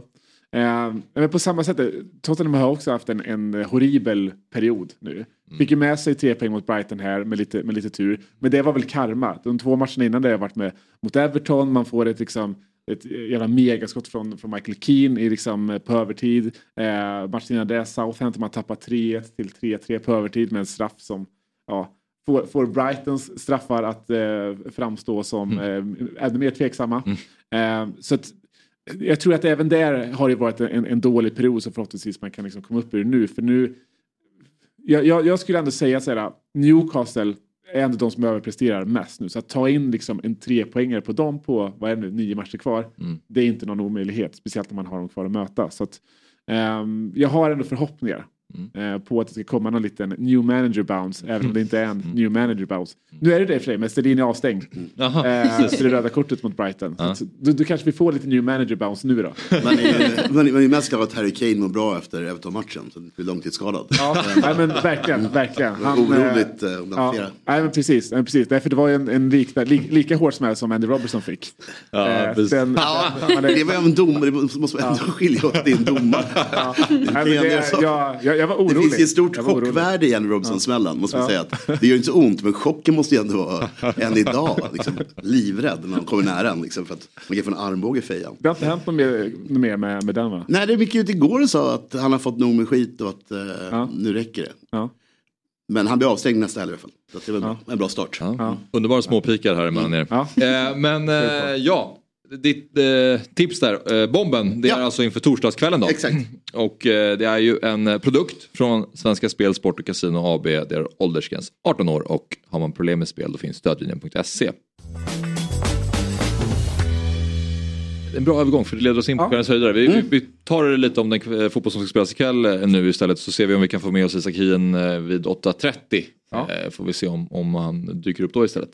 Men då är det ju eh, Real Madrid mot Chelsea och Milan Napoli som sagt eh, och Raspadori på topp för eh, Napoli. Äntligen. vi pratat om det lite kort innan men hur, hur mycket det har vänt då. I, när de Ja, lottades alltså, mot varandra så var det ju som att okej Napoli skulle bara städa av Milan. Och Napoli var så- i final, det var ju liksom bara, Ja, nu, precis. det var bara Benfica och Milan. som Precis, spännande att se vilka de möter i final.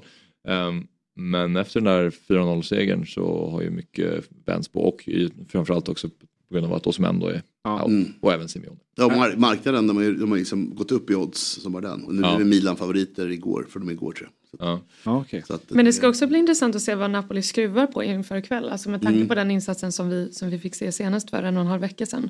Så blir det intressant att se hur de någonstans kommer skruva. För man kan ju inte förvänta sig att det kommer se likadant ut. Utan de måste ju ändå ha lärt sig någonting av den insatsen tycker jag. Mm. Precis. Sen ska man säga här, Milan har inte varit superstarka sen de tryckte dit Napoli heller. Liksom. Eh, men det är ju någonting med Milan och, och Champions League. Alltså när, när hymnen går, eh, då liksom de, de alltså det, det, det, är, det är som med Tottenham, då var det samma sak där. När det lottades var liksom, ja, men då skulle det vara en dörrmatta för Tottenham in i, in i kvartsfinalerna. Ja. Eh, och sen så gick det lite tid och så bara, nej men nu, nu är Champions League-hymnen, nu liksom tänder vi igång. Eh, och så, så bra som de var över det liksom, dubbelmötet, kanske framförallt defensivt. Eh, det, det borde väldigt gott för dem i att så här, få ett resultat med sig nu ikväll när, när Osimhen inte är där. Mm. Få liksom en 1-0 eller något sånt där. Och sen så ganska skönt för dem att liksom, åka tillbaka till, till, till Napoli och bara liksom veta att så här, vi behöver bara göra nu det, det som vi gör bäst. Mm. Bara täppa igen. Liksom. Mm. Eh, så eh, nej, det, är, det är sjukt att de har gått och blivit favoriter i det här dubbelmötet. Ja, det är galet. Men det kan ju också bli så alltså, om, man, om man går lite knackigt i ligan även om de har gjort det okej så, så kan det också bli så ifall man har en match att fokusera på, alltså Champions League, att då, då blir det någonstans enklare kanske att gå in och göra en bra insats än vad det är att göra många, många ligamatcher ifall man känner att det inte riktigt stämmer. Ja. Så det kan ju vara, det kan vara fördel tror jag också att man får ett, ett avbrott så. Ja. Eh, Nej, men verkligen. Alltså, För båda lagen är det så, det är det här som gäller. Ja. Det är Champions League. Ja. Det är, Ja, precis. jag är väldigt glad att slippa tippa den, för det känns eh, alltså, omöjligt. Alltså, jag tror det är under 2,5 mål är jättebra. Men eh, jag skulle nog spela Milan vidare. Men hur det slutar, ja, vi kan mycket väl sätta 0 där till Napoli och Milan ändå gå vidare. Så att jag tycker det känns väldigt ovisst. Det ska bli kul att se. Ja, det ska bli väldigt kul att se. Real Madrid-Chelsea är ju också en häftig fight. Ehm, nu tänkte man att eh, Chelsea kanske kunde få lite fart när Lampard klev in. Nu är det 0-1. Ja. Eller ja, brukar man ju 1-0 tänka till när, när Lampard kommer in. Det- Det blir åka av. Ja, men i alla fall någonting kanske Ja. man kunde se något nytt. Ehm, Men eh, nej. Sterling kom in igen i värmen. Det är det som händer nu. Ja. Och Aubameyang också Ja, fick, just eh, fick lira lite. Gallagher startade. Sen är inte Aubameyang med i Champions League-truppen väl? Nej. Jag tror. Potter valde inte ta med honom. vi får se om de lyckas göra mål. Om de lyckas göra mål ja. ja, Ja, det det, det, gör de, det gör de inte. Nej, Det är- det är just Nej, det känns tufft alltså. Ja. Uh, Men Real Madrid, de kör över Barcelona i Copa del Rey. Ja. Och sen så går de och förlorar hemma mot Villarreal i ligan. De, är, de blandar och ger så extremt mycket när det kommer till inhemsk fotboll i år. Mm. Men när det kommer till Champions League, då är det ett annat lag. Liksom. Då, det spelar ingen roll. Nej. Nej. Sen är det Ramadan, Benzema, då är det, det är som det är. Ja, Han kan göra hattrick på 10 minuter. Så att, ja, det är inget konstigt alls. nej, Han är som bäst nu. nej, precis. Men, det, eh, det är ju en dörrmatta. Alltså Chelsea är ju dörrmatta här. Ja. För, för, för Real. Eh, jag, jag kan inte vä- vända och vrida på det på något annat sätt än att det är Nej. ganska enkel. Efter ikväll är det klart. du tror det? Ja. Vad, vad tänker ni? Eh, Ja, men, alltså, ja, verkligen. Jag tror jag har spelat 3, 4, 5, 0, 1. Något sånt. Ja. Jag tror det Ja. kan bli slakt. ja. Eh, jag tror att det är ganska bra för han Bowley att lära sig hur livet funkar också. Som liksom, ja, men jag tror liksom det där projektet. Alltså. Ja, men det här känns som att det är hans första motgång i livet. Ja, precis så. Precis Alltså, så. och det, ja. det är därför man gillar och det är därför man njuter lite av det också. Mm. Ehm, eh, inte, inte bara för att det är ett motståndarlag utan för just att säga Bowley ska lära sig vad, ja, men, hur ett li, riktigt liv är. Var vill ni lägga det någonstans? Är det, är det 90-10 då till att Real Madrid avancerar? Här? Ja, det skulle jag nog... eh, Jag kommer hit imorgon så det är dumt. Men, jag, jag tänker även procentuellt på det. Men säg 70-30 då. eller något. Ja. Nej men jag tror att de, de, de måste ju slakta det. Så. Vi pratade lite, om vidare. det, gör vi de. pratade lite om det i Fotbollsmorgon lördag och ehm, då var det ju visserligen innan Wolves-matchen men eh, Fabian Alkemo var ju då inne på, som gör eh, vår Premier League-podd med eh, Jesper Hoffman, var inne på att de skulle liksom kanske få en liten skjuts av, av Lampard och att så här, med Kanté tillbaka och så är det Kovacic, Kanté och eh, mittfältet eh, någon, Exakt. någon till super, Enzo Fernandes. Ja. Mm. Så är det liksom ett väldigt eh, starkt mittfält att det finns spelare så att de bara eh, får få zoom på det där nu, Lampard så, är, så var han inne på det här. Och det är 45-55 eller 40-60. Ja. Mm. Nej, men absolut, alltså, ralj- raljerar lite kring liksom, Real Madrids dominans här, men det är klart att det mittfältet Chelsea, om det är så att Kanté fortsätter vara tillbaka, Mm. då är det så att, så här, för, för jag tycker Jarkman det är rätt så här, det mittfältet som Chelsea besitter, om man kan ha Kanté, Fernandes, Kovacic, Mm. det är ju få som kan mäta sig med det. Det är, det är ju bara Real. Ja, det är ju Real Madrid. Eh, och Ja. man, man såg det mot, mot Liverpool. Eh, nu var det liksom en, en, en ja, ganska rolig match så, från, från, från båda lagen. Men det såg mig liksom hur, ja, men vilken injektion det är att bara få in liksom Kanté eh, Ja. där tillsammans med de två. Så det är klart att säga, med ett sånt mittfält kan allt hända. Du kan få en, en, liksom ett bra resultat med dig från, från Madrid och kunna spela på det. Men tyvärr är det så att anfallet är alldeles, alldeles för dåligt. Eh, för att, för att liksom ett sånt mittfält ska, ska räcka. Nej, det finns ju inte många spelare i Chelsea som går in i det här dubbelmatchen med självförtroende. Så, så Havertz och Joao Felix. Nej. Och, Nej. Ja, men Felix är, det är väl lite de han ska tagga till lite extra mot, Ja. mot Real. Ja. Men han är ju, det är så, sumpar av rang bara. Så att det är nog, ja, så, så frustrerande Han ändå- spelare liksom. Han, ändå gjort det här till en konstform. Han Ja. är liksom, är jättebra men han gör ju inte mål. nej, men jag har aldrig varit med om en sån spelare som är så nära att vara bäst i världen och samtidigt så långt ifrån att vara, att vara liksom världsklass. Att han liksom, det känns som att han har tagit på sig väldigt mycket ansvar. Så här, men nu ska jag in och lösa det. Så att jag, eh, när, jag väl ska liksom göra någonting, då ska jag göra tre gubbar Mm. och sen hänga upp den. Mm. Och, så, och, så, och så löser han det till 80 procent. Mm.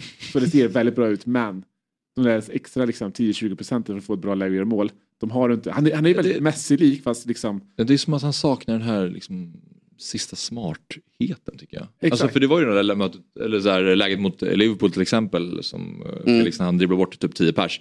Och sen så lägger han tillbaka den på högerfoten där försvararen kommer ifrån. Ja. Och det så här, om du bara använder vänstern så kan du, av, så kan du skjuta. Ja. Men lite, lite som Ta Ali kan man ju säga kanske. Och nu när vi ska prata, prata Malmö. Ja. Att det är lite samma grej att så här, jätteduktig på att liksom, ja, men göra sin gubbe och liksom komma in i bra lägen hela den biten. Men det är någonting som saknas i den sista tredjedelen. Och det är klassiska slutprodukten. Ja, och det är, väl, det är väl också det som är så här, alltså, man har pratat om det kring, kring Blåvitt också, att vi, vi är liksom svaga i ja, men slutprodukten, den sista tredjedelen och då blir man så här, vi spelar bra fram till dess, ja men det är väl kanske där som det är det absolut viktigaste och det är det som är det svåraste också. Mm. Eh, att kunna göra mål och jag tyckte det också, om man kollade AIK, eh, Norrköping exempelvis så ser man en spelare som Arnor exempelvis.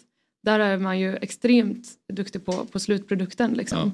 Eh, och även Kiese som vi ska prata med nu. Ja, precis. Ja. Ska bara avsluta vårt Champions League-segment med att säga att matcherna i Champions League de finns hos Telia där ju också Premier League finns och numera även Allsvenskan från Discovery Plus. Då. Så Telia har samlat allt innehåll från Viaplay, C More och Telia på ett ställe och genom att göra det så får man ett bättre pris.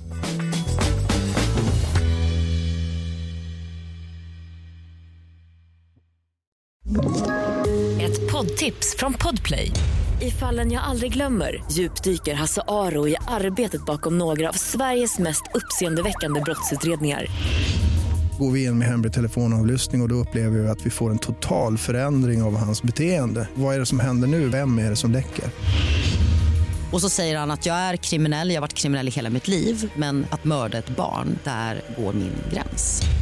Nya säsongen av Fallen jag aldrig glömmer på Podplay. Men nu så ska vi prata med Malmös stjärnanfallare, allsvenskans hetaste anfallare måste vi ju säga, Isak Kiese. Välkommen till Fotbollsmorgon. Tack så mycket. Du, eh, hur mår du? Jag mår bra. Jag mår bra. Eh, vaknar precis, ska snart iväg till träning så det kan inte bli bättre. Nej. Alltså du har ju inlett eh, med tre mål på de två första matcherna. Det känns som att du är i stor form. Eh, hur beskriver du själv dina två inledande matcher? Ehm, nej, bra. Som du säger, kul att få göra mål eh, och framförallt mål som, som ger poäng. Ehm, och det har hjälpt till så att vi kunnat få sex poäng hittills. Och, eh, så det, det är alltid kul som anfallare att få göra mål. Mm. Um, det var ju, eh, ni har ju inlett med två segrar men det har ju inte varit de här uh, stora, alltså kanske mest övertygande segrarna. Hur upplever du, vi pratar lite om dig nu, men hur upplever du Malmös start på säsongen? Eh, nej, som du säger, det har inte varit eh, 5-0 segrar direkt, men eh, ändå segrar, så det är starkt. Eh, men eh, jag tror också vi kommer stöta på ganska många matcher i år som, som liknar den eh, häromdagen. Där det, det blir lite kontringar på oss och eh, det andra laget backar hem. Och eh, vi, vi pratar om det varje dag, hur vi ska kunna luckra upp eh, de lagen ännu mer och kunna stoppa de här kontringarna. Men eh, vi, vi är på god väg tror jag. Och det, det är ändå bra att vi vinner, men som du ser, vi, vi har några, några grejer att, att fixa innan det, det blir perfekt. Hur, hur känns det hittills med Rydström då? Tycker du att han har hunnit sätta sitt spel i, i laget eller känns det som att det kommer fortfarande ta en del tid innan ni hittar hur ni vill spela? Eh, nej, idén, hans idé vet vi perfekt hur, hur han vill att vi ska spela. Eh, och sen så så gäller det bara att eh, finslipa det lite för oss spelare såklart. Eh, när man, framförallt när man blir trött, att man, man ska komma ihåg vad, vad vi vill. Men eh, det, han har varit jättebra på att få in eh, sin idé i våra huvuden liksom, så att vi vet eh, vad vi ska göra. Eh, och sen så är det upp till oss att utföra det såklart. Men nej, han har varit jättebra, hela tränarteamet och han. Hur känner du kring eh, din roll då? För att jag menar du lyckas ju skapa dina lägen ganska mycket ur ingenting får man ändå säga. Men kände du det att du är tillräckligt involverad i spelet eller hade du velat ha mer en, en bärande position där?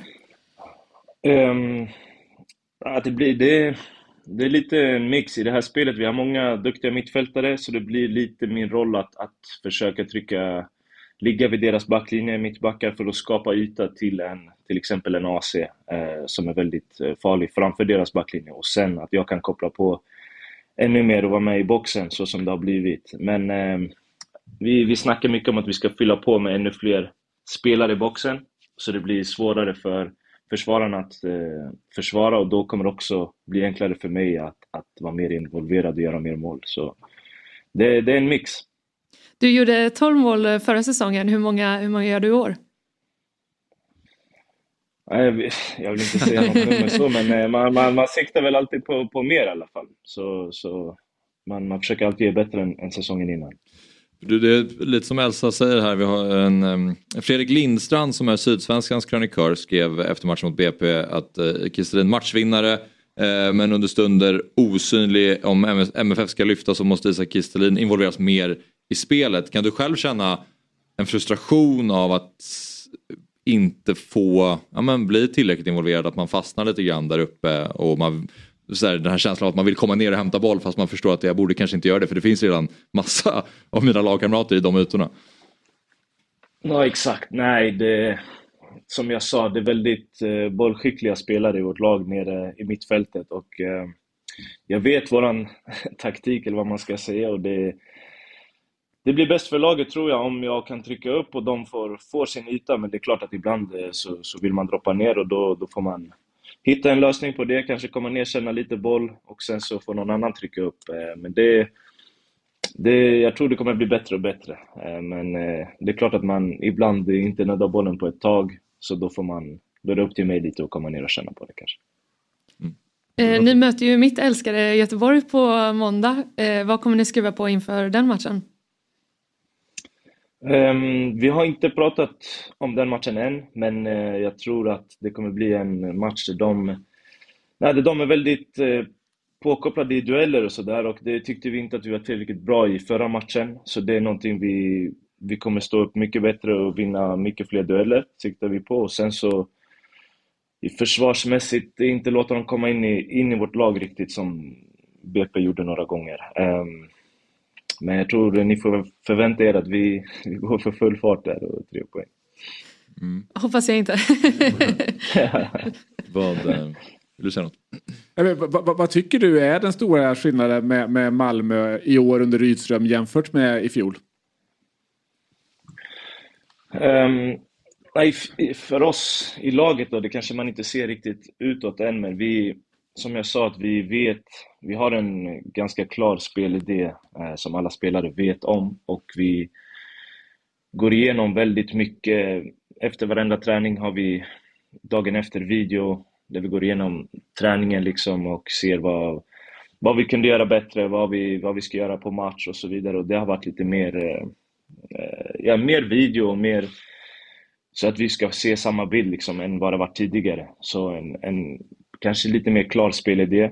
Kanske inte syns riktigt än utifrån, men eh, vi spelare vet det och det, jag tror det kommer synas snart. Hur skulle du beskriva eh, den här spelidén? Um, boll, bollförande och eh, dominerande skulle jag vilja säga. Vi, vi vill eh, ska man säga, att motståndarna inte riktigt ska få, få andas utan vi har mycket boll och när vi inte har bollen att vi, vi vinner tillbaka den så snabbt som möjligt och sen eh, attackera när det finns lägen. Liksom. Mm. Trötta ut motståndarna med bollen. Okej, okay, och ett högt pressspel? Högt pressspel, precis. Mm. Och det, men det kan man inte göra i 90 minuter, men eh, så mycket som möjligt, absolut. Mm. För du var inne på att ni jobbar mycket på att försöka luckra upp lä eller lågt stående motstånd. Uh, hur gör man för att göra det då? Vad, vad pratar ni om där?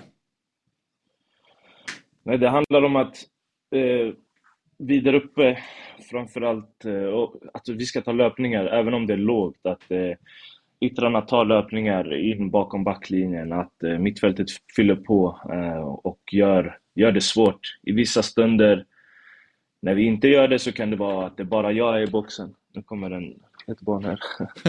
att bara jag är i boxen. Och det, vi måste ha mycket folk i boxen för att göra mål. Ja. För ibland utifrån, det är ju liksom så här, det, det, är ju så många spelare, ni har så många offensiva skickliga spelare så det är som att det är spelare överallt. Alltså man, det är, eh, Nanasi kommer längs kanten och så har du eh, Taali och Stefano Vecchia och AC och Penny och Hugo Larsson och alla springer runt. Alltså det finns ju som ni spelar på pappret men det känns som att många rör sig över, över stora ytor. Känner du att du helst är som en ensam anfallare i det eller eh, till exempel då om Vecchia kommer upp och så spelar ni någon form av 3-5-2 variant att ni spelar tillsammans där uppe. Vad passar dig bäst? Um, jag gillar att spela själv men eh, kan också spela med två. Uh, så just, jag trivs bra att vara, vara ensam men uh, som du säger, det är många skickliga spelare och det kan bli lite ibland att många av dem vill ha bollen och då får vi inte glömma att målen görs i boxen och det är det jag menar med att vi, vi måste ta oss in eh, med mycket spelare där. Så det kan bli i vissa matcher när det är lågt att alla vill känna på bollen och så rullar vi där framför dem tryggt, men det, det blir inte farligt då. Så vi, vi jobbar på det, men eh, jag spelar helst med en i alla fall. Mm. Um, matchen mot BP då? De, BP var ju bra och hade ju absolut kunnat ta en poäng, nästan tre poäng också. Var, var ni eller var du överraskad över hur bra Brommapojkarna faktiskt stod upp mot er? Eh, nej, det var jag inte. Eh, vi visste att, i, eller man vet, i Allsvenskan finns det inga enkla matcher. Och eh, speciellt när de får in det där eh, eh drömmålet också, så då är det klart att de får extra energi. Eh, och då, då, blir det, då blir det tufft, så är det. Ehm, men sen är det vi också som gör lite saker som gör att de kanske ser bättre ut än vad de egentligen var. Men eh, det, det, är inget, inget dåligt lag, absolut inte. Nej. Um, Anton Tinnerholm sa efter matchen att du är ligans bästa anfallare. Uh, I synnerhet när du kliver fram och gör den här typen av mål. Håller du med Anton? Uh, man måste ha självförtroende själv. Så det, det, jag tror du frågar vilken spelare den frågar så tycker han att han är bäst. Så det, det, det är klart man tycker det.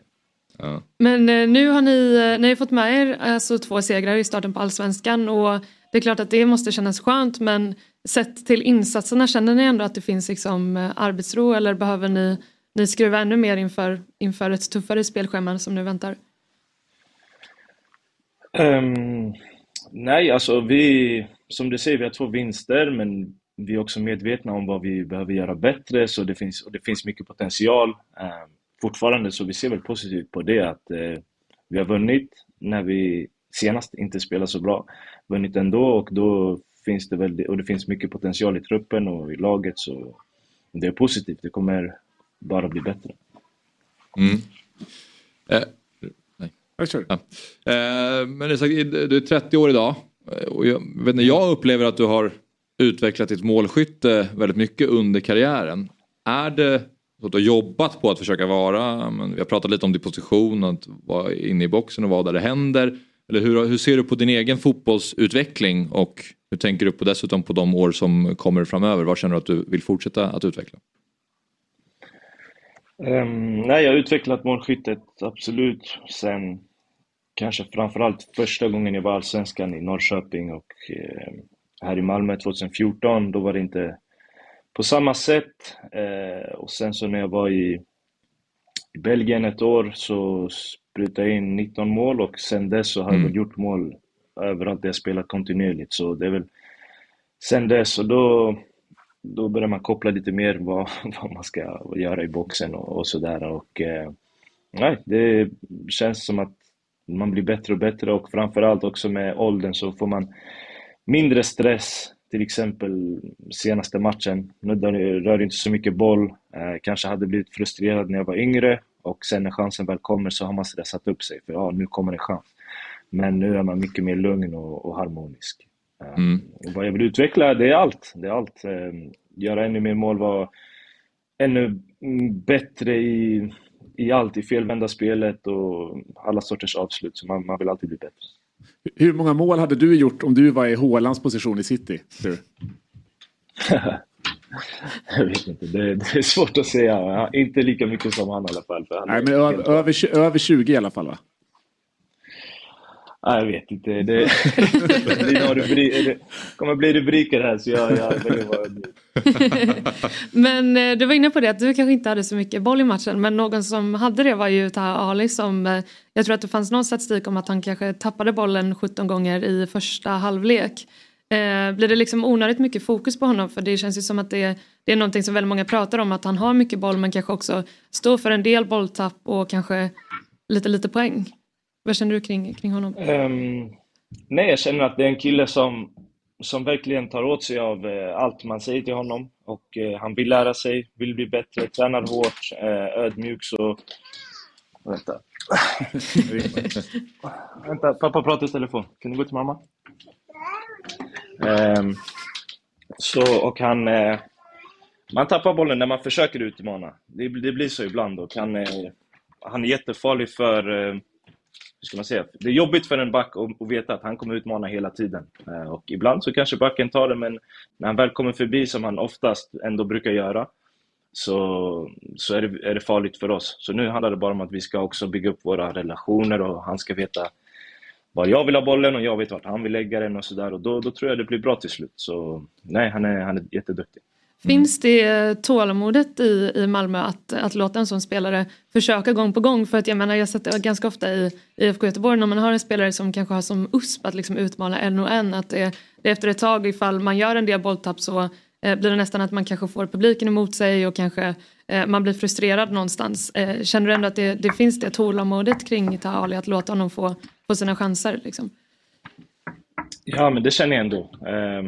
För det är lite det jag pratade om innan, att om det är din spets så ska du försöka göra det gång på gång, även om du tappar det. För en, sista gången kanske du kommer förbi och, och då kan det leda till mål. Och samma sak för mig som anfallare, jag måste fortsätta försöka med, med avslut även om jag har missat. Liksom. Så, men i Malmö FF, som du säger, det, det är stor press. Det finns många som knackar på bakom. Um, och det, det är en konkurrenssituation, så det gäller att ta sin chans, absolut. Ja. Avslutningsvis eh, Isak, innan vi släpper dig. Eh, måste också fråga om, om din framtid. Du har ju börjat den här eh, allsvenskan väldigt starkt och du har, ju- du har ju varit iväg en del under din karriär och spelat fotboll i många olika länder redan.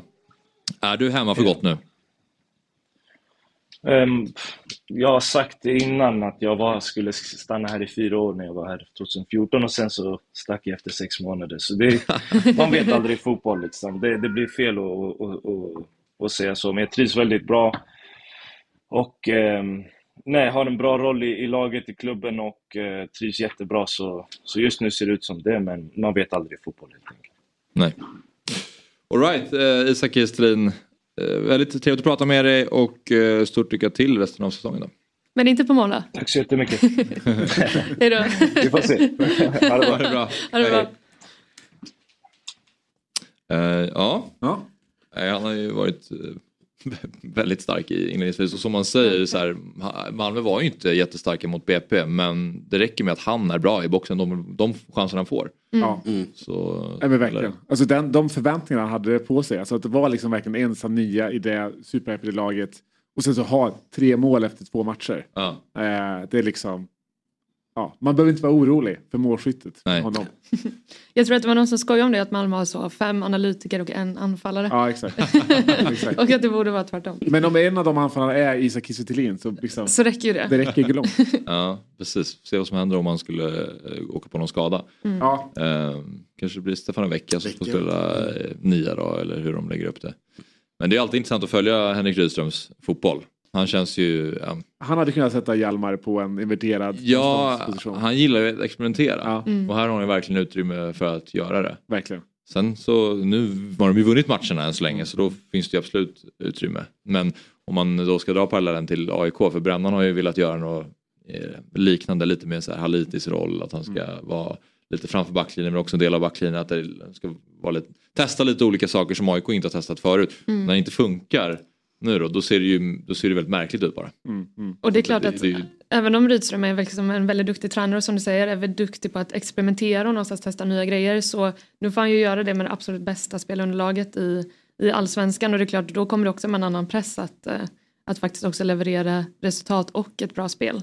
Det märker man ju också nu eh, kring tongångarna kring MFF att så här, det, de, gör ändå, de tar ändå sex poäng på de två inledande matcherna men ändå ser folk, eh, förväntar sig ju mer, förväntar sig ett bättre spel och ja det är klart det kan man väl kanske också göra om man har 700 miljoner på, på banken. Exakt. Ja. Och sen så är det så att, det- som jag varit inne på, det är såklart inga liksom definierande segrar de här två, men ja, tyvärr för din skull, den, den kommer nog nu. Det, här, det känns, känns ju verkligen som att det är en liksom 6-0 och man bara spelar ut hela registret. Liksom. Ja. Och sen så kommer det bara vara att, ja, här är Malmö nu. Jag, jag kan tänka mig att man vandrar mot 5-0 kanske. Ja. Nu, Vandrar nu mot. Gamla Ullevi med fasa. på samma sätt som jag kommer vandra till Friends på söndag med fasa. Ja, ja. Livrädd för vad som kan hända. Ja. På... Men samtidigt så här, man ändå... Nej, de, eh, ja. Det kommer bli tufft. Men man har ändå sett IFK Göteborg någonstans vara under isen, alltså ganska många gånger de senaste åren, men ändå liksom höja sig mot, mot topplagen. Och jag menar eh, 20, 2021 när vi var liksom under isen var nära på på blandis oss i en bottenstrid igen så åkte vi ner och tog tre poäng mot Malmö. Vi vann hemma mot Malmö i höstas för första gången på 13 år. Så att jag menar jag tror ändå att vi, vi någonstans kan höja oss i den här typen av matcher med också det hemmastödet som det, som det innebär. Men eh, såklart, det är ju ett halmstrå. Fint, det är fint med, med, med hopp. Men, eh, nej, men jag, nej, men jag eh, följde det intressant för den var uppe i fem gånger pengarna igår på, Malmö, äh, på Göteborg vinna. Okej. Jag tycker det var lite intressant. Men den är nere på 4,70 idag så jag ska nog tänka en vända. Och det är 1,70 i Malmö så det finns ett värde någonstans. Men jag har inte bestämt mig var värdet ligger. Nej. Men jag ska nog, ja. Men det är just det där, ni, ni vinner ju aldrig mot dem hemma ändå. Vi gjorde ju det höstas. exakt, Ja. men det, det var ju länge Och sedan eh, innan. kuppen 2020. Jag ska säga att min sista parameter jag alltid tänker på det är ju historiskt. Ja, Alltså, det, det har ju inte så mycket värde, det hittar på, det är magkänsla någonstans. Men just i det här fallet så var det ju, det är rätt ovant ändå. Det Mm. gör mig lite orolig. Liksom. Men det är just det att man ändå har brutit den trenden som jag tror är... Går upp till fem gånger då kör vi Göteborg på måndag. Då är jag med, då är det värt det. Så du brukar, du brukar inte väva in i historiken Nej, så mycket? jag, nej, väldigt sällan. Jag tror det finns inte så mycket eh, sanning i det. Jag tror det, finns, alltså det, är så, det är så stora skillnader varje år ju. Är svårt att liksom säga så här, ja, vi förlorar alltid mot dem. Jo, det känns så. Men Mm. om du ser ut det på en period så blir det ofta tydligt att det, var, det är magkänsla igen som Jag kan tänka mig att det gör det i typ ja, men derbymatcher. Mm. Eh, när det är sådana Ja. långa streaks som man känner att man, fan, det blir som en, något mentalt som man, man alltså det låser sig lite. Mm. Men just sånt typ när det är Ja, men självklart finns det ju det som, liksom, det som eh, motbevisar mig här. Det, håller- det håller jag med om. Ja. Det tror jag också är också mycket slump i det så att säga. Så det är liksom en form av slump plus slump är lika med det här. Och det är ingen data jag tror man ska ta in i, i det blir liksom fel att lägga in den datan. Ja. För det är ju en enorm match så det kan ju vara så att det sitter någonstans i, i veckorna liksom. Men, Ja. Men det, det, ju har hänt så- Det är ju mycket på Sveriges tio år i får Malmö eller. Göteborg. Det är svårt att säga att det, Ja, och Det sen hur att- mycket nej. springer spelarna runt och tänker. Det är ju för att de tar in i matchen liksom. till och med fansen har gått ifrån ståplats till sittplats till hemma i tv-soffan nästan. Ja, Så att det under den tiden. Ja, exakt. Familjeläktaren. Det är svårt för mig att säga att ja, det här, liksom, så här är det alltid. Det Ja. låter ju väldigt, jag tycker det är lite grundanalys. Liksom. Ja. Men det, finns, alltså det blir väl en, en självuppfyllande profetia ibland när det är Ja. stora matcher. Typ när, när man har ett derbyspöke till exempel. Man Mm. märker att hela stan pratar om att du kommer vara dålig på söndag. Liksom, för du är alltid dålig på Nej men Djurgården där är ju bra exempel. Det är blir det väl väl liksom att här, men visst, väl- de förlorade ju x antal derbyn. Ja. Liksom, det stämmer ju. Så att det kan ju ske. Men jag tycker inte att det är inte historiken här vi Nej. pratar om utan det är ju Nej.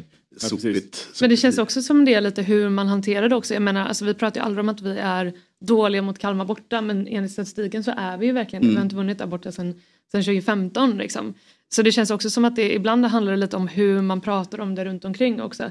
Att om man själv gör det till ett, till ett derbyspöke snarare än att man 100%. försöker göra det till en match som alla andra. Ja. Eh, så blir det också mycket mer uppstorat tror jag också kring och det är klart att så här, fotbollsspelare kommer alltid säga nej jag kollar inte sociala medier eller nej jag Nej. lyssnar inte på vad som sägs. Men det gör de ju, alltså, det vet ju alla om. Men vi testar allt i Djurgården, alltså vi har testat alla dem, alltså vi bryr oss inte, vi bryr oss jättemycket. Liksom. Och det, ja, men uppenbarligen, det är, det som, är inte eh, där skon klämmer liksom. Jag håller med dig i grund och botten också om det är så här, de här, de, här- de här matcherna de senaste gångerna de har mötts, Mm. tre senaste gångerna så har det blivit jättemycket mål. Det kommer inte jag, då tänker jag ändå så här, det kommer ändå kunna sluta 0-0 nästa gång. Alltså så här, det, jag tar inte in det så mycket. Mm. Nej. Samtidigt så finns det ju, om man då ska lyfta upp din klubb Tottenham, det, det finns ju liksom det här, du vet, ja. men, vinnarmentalitet och att så här, att finns ett sitter i DNA. vägg. Det finns ett DNA i olika klubbar väl och den det här- däremot det är ju på ja, riktigt. Nej, men jag håller med, jag håller med. Och det är väl den här It's Tottenham Lads som är Exakt. grunden där. Ja. Men, men hur som helst, lång historia kort. Det, jag tror det är som mycket annat i livet och i samhället att det här är lätt att ta in. Man orkar ju ta in det här. Ja. Man orkar ju inte titta på, på annan data. Nej. Och det är ju problemet. Det är en, det är en lathet. Ja, just det. Det Ja. var jag tror att om. den som är mer relevant kanske också är lite jobbigare att Mycket jobbigare att ta in och det kräver några klick till. Men bara titta på tio senaste och få en uppfattning. Ja. Vad, vad tittar du på mest då? Mellan när om du tar jag, tror, jag, jag, tror att, jag tror jag tror liksom skador och form är nog det jag tittar mest på. Sen tror jag Form, också ja. så borta hemma ganska intressant. För det finns ofta mönster tycker jag på det. Mm. Att eh, hemma, ja, i olika, olika klubbar. Men jag tycker form och, och skador är liksom. Och skador är ju lite, det kräver ju lite mer jobb i och med att man mörkar så mycket inför avspark. Ja, just det. Men det är ofta där svängarna sker ju ofta. När man ser en startelva. Då händer det något liksom marknaden. Någon går in med massa pengar. Ja. Skademässigt så är väl varken Blåvitt eller Malmö så jättedrabbat väl? Jo, Blåvitt är det. Är det det? Ja, ja, ja. Vi, Har vi det? eh, skadade ju, eh, Dahlberg gick Ja just det. ut Just det. och Dahlberg. även Gustav Svensson är ju borta. Just det. Eh, så att det är ju, ja, Tronsen är på väg tillbaka från sin, sin längre skada. Eh, så att, eh, oj, Ja. det är vi tyvärr. Jag tar tillbaka allt. Men, eh, men Malmö har ju ändå ett jävla starkt gäng. Ja, så, och då, om vi ska då gå på skador och form så känns det ju som att det kan bli åka av på Och det är verkligen så, de kan ju staka ut alltså, två elvor som är nästan bättre än, än liksom hälften av lagen i, i allsvenskan, även deras andra elva liksom. Men då kan man ju bara sista där på form kan jag tycka att Malmös ganska knappa segrar. Är det form, alltså hur graderar man den formen? Ja, så att det är också att ta in. Men också det så här, alltså, det är alltid så med, med, med fotboll tycker jag att det man ser just nu det är alltid det man tänker kommer vara alltså, Ja, exakt. ja, och det är ju också det man, man glömmer ju liksom att så här, eh, det kommer liksom toppar, det kommer svackor och Under Benfica när de gör 2-0 där kan jag säga, då känner jag ju tomt att jag, jag tyckte för lite, alltså, jag tittade ju inte så djupt på det här. Jag liksom kände, Ja, jag kände mycket i magen att Benfica ja. står Inter. Och så Mm. sitter man där med, med liksom dumstruten på. Och jag menar, även om det ofta stämmer så är det ju alltid så att så här, det man ser just nu så kommer det liksom inte att vara för alltid. Jag Nej. tycker alltid det är så här, när folk eh, bestämmer sig för hur allsvenskan går efter två omgångar så är man så här, ja men det kommer liksom fönster, det kommer komma skador, det kommer komma liksom eventuella tränarbyten. Alltså, det går inte att, att vara så tidigt på det. Eh, Jag det man tycker- ser nu jag kommer inte den vara... där, äh, det är Jonas Dahlqvist den där, det har jag sagt här förut. Men han måste ju sluta med det där.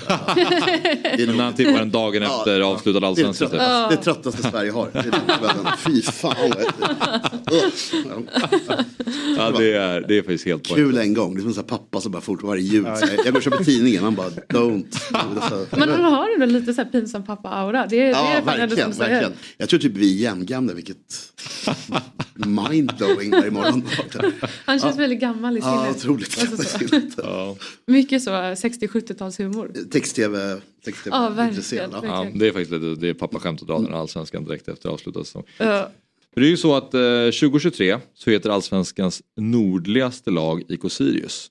Och det är ju lite trist. Ja, det är Känner vi. pinsamt oss. Eh, vi är många som vill ha tillbaka ett norrländskt lag i svensk fotbolls finrum och då hoppas vi självklart på Giffarna. Eh, och därför är ju vi glada över att konstatera att Sundsvall då har inlett säsongen med två raka vinster i, i Superettan. Och vi säger väl grattis och eh, varmt välkommen till Fotbollsmorgon då. Eh, GIF Sundsvalls tidigare stormålvakt och numera sportchef Tommy Naurin. Tackar. God morgon. God morgon. Eva. God morgon för er. oh ja. Eh, Men eh, du, härlig start för er Tommy. Berätta hur, om, hur, hur är stämningen uppe i, hos, i Sundsvall? Vi har ju börjat en ny trend att vinna här nu i serien. Vi hade lite tuffare på, på försäsongen så att det är klart att det, det är, är lättat.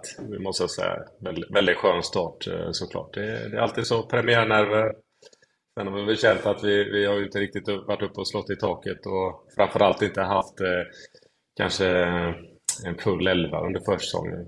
Vi kom ju väldigt sent till både truppbygget och eh, och faktiskt en hel del planerade skador, om man får uttrycka så. Vi har haft en hel del som har haft långtidsskador som har kommit tillbaka i slut här, så att, eh, det känns jätteskönt nu. Man sitter här och ska ha ett derby här på tisdag också, så det är lägligt.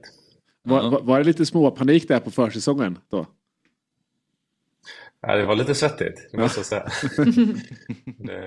Men, men, eh, men som sagt, eh, jag kom ju sent in i det här. Jag började i januari och började bygga en trupp då. eh, Sen, sen ska jag inte säga att det, det har inte varit allt för stora förändringar. Eh, Vi har ju bara haft eh, fyra eh, nyförvärv hittills. Eh, Men ändå stora korrigeringar, för det var en relativt stor trupp i, i höstas. eh, Så att det var mycket som behövdes göras på kort tid. Eh, Och som sagt, vi har haft en del skador också som vi, som vi visste att vi skulle eh, få bära frukt av lite senare under, under försäsongen. Med, jag tänker på Linus eh, framförallt då, som är Mm. en viktig spelare för oss som är tillbaka nu då. Mm. Baserat på försäsongen, är du, är du överraskad över er start på Superettan? Nej, jag är nog mer överraskad över, över att vi hade så svårt på försäsongen. Nog mer, mer så att eh, vi, vi visste ju att, eh, att vi har en bra trupp, men vi hade svårt att få ut dem på banan. Eh, vi hade, hade en period när vi inte hade några försvarsspelare och en period känns som vi hade nästan överköpt oss på försvarsspelare, så det hände mycket. Fick ju en, en tuff skada på Dennis Olsson och eh, Marcus Burman under försäsongen som gjorde att vi var tvungna att korrigera lite i, i strategin. Då. Eh, Mm. Men det har lyckats bra. Eh, Ersättarna har gjort ett gott jobb och nu, nu är de tillbaka och spelar.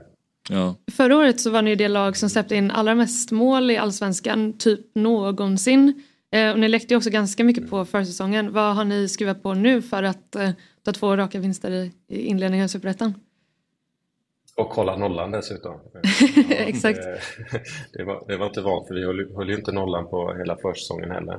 Eh, nej, men det, det har tagit tid eh, och framförallt man, man behöver bygga relationer ute på banan och det, det är svårt när man har så mycket spelare som är frånvarande. Så att, eh, det var en period där vi spelade en trebackslinje för att ens få ut ett lag mot, eh, ska se, var det Brage?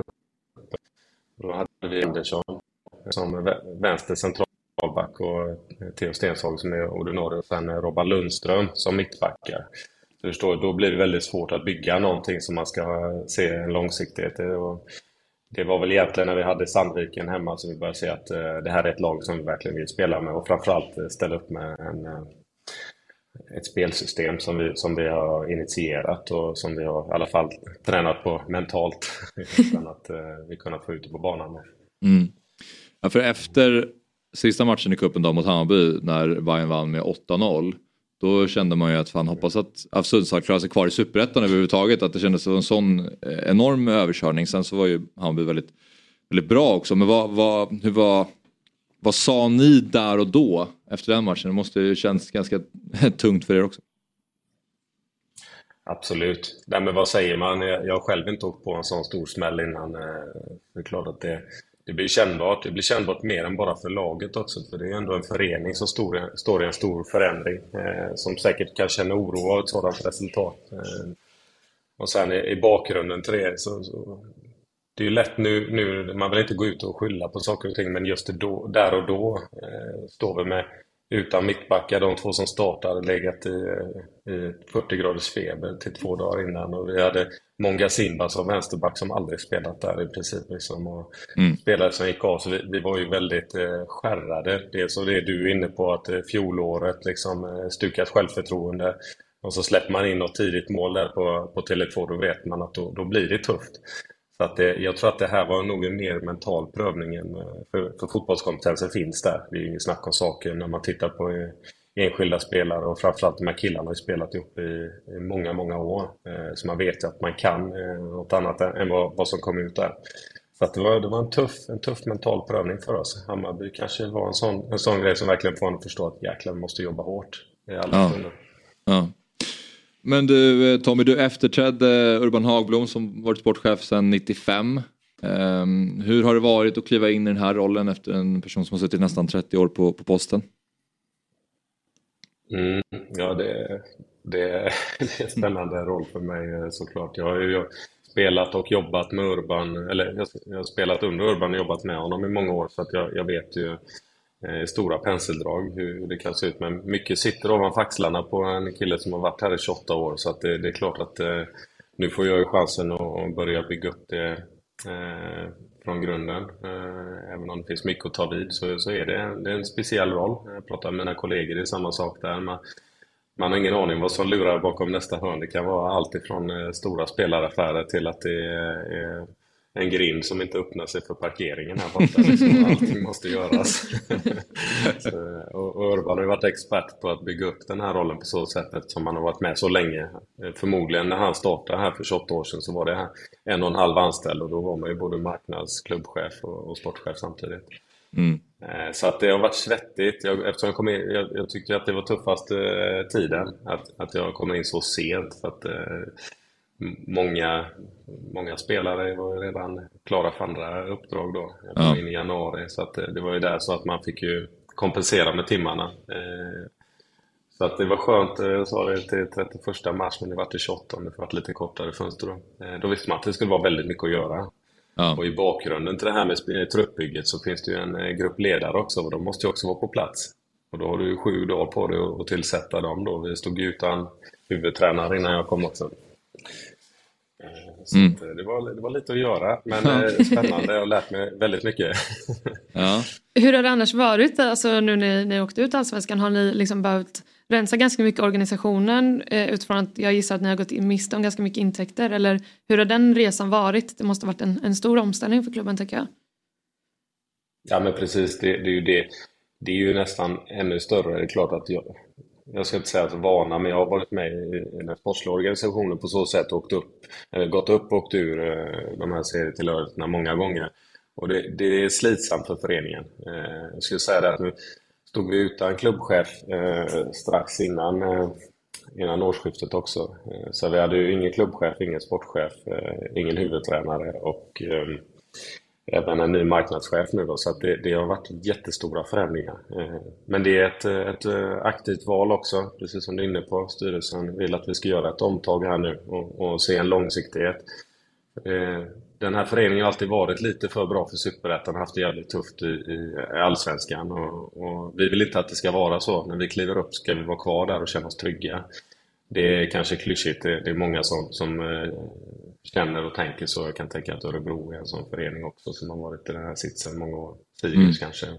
Eh, Men, men eh, jag tror att vi måste, vi måste börja bygga det lite mer, eh, vi måste bygga det från Superettan. Mm. Så att vi får en trygghet när vi väl kliver upp. Det är få, få gånger jag har känt att jag har legat Allsvenskan och känner att, att vi, vi kommer med säkerhet vara kvar.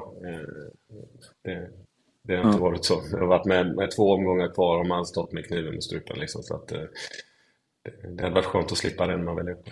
Ja. Och nu, nu med det liksom lite nya ledarskapet i, i Sundsvall, du är sportsligt ansvarig. Vad, vad, är den, liksom, vad är visionen för Sundsvall framåt nu då? Både liksom spelidémässigt men också liksom rent ja, resultatmässigt de kommande åren. Hur, hur ser planen ut? Man kan börja med det att den, den delen av föreningen som har utvecklats mest de senaste åren, det är akademin.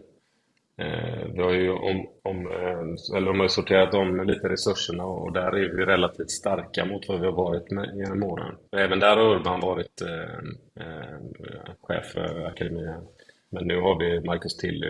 Eh, och tanken är då att vi, vi, ska, vi ska bära ännu mer frukt ifrån akademin. Sen tycker jag inte att Giffarna på något sätt har varit dåliga. Därför tittar man på den truppen vi har idag så är det många av dem som har gått igenom akademin som nu är liksom över 30-strecket. Så att vi har ju fått fram en hel del duktiga spelare ändå.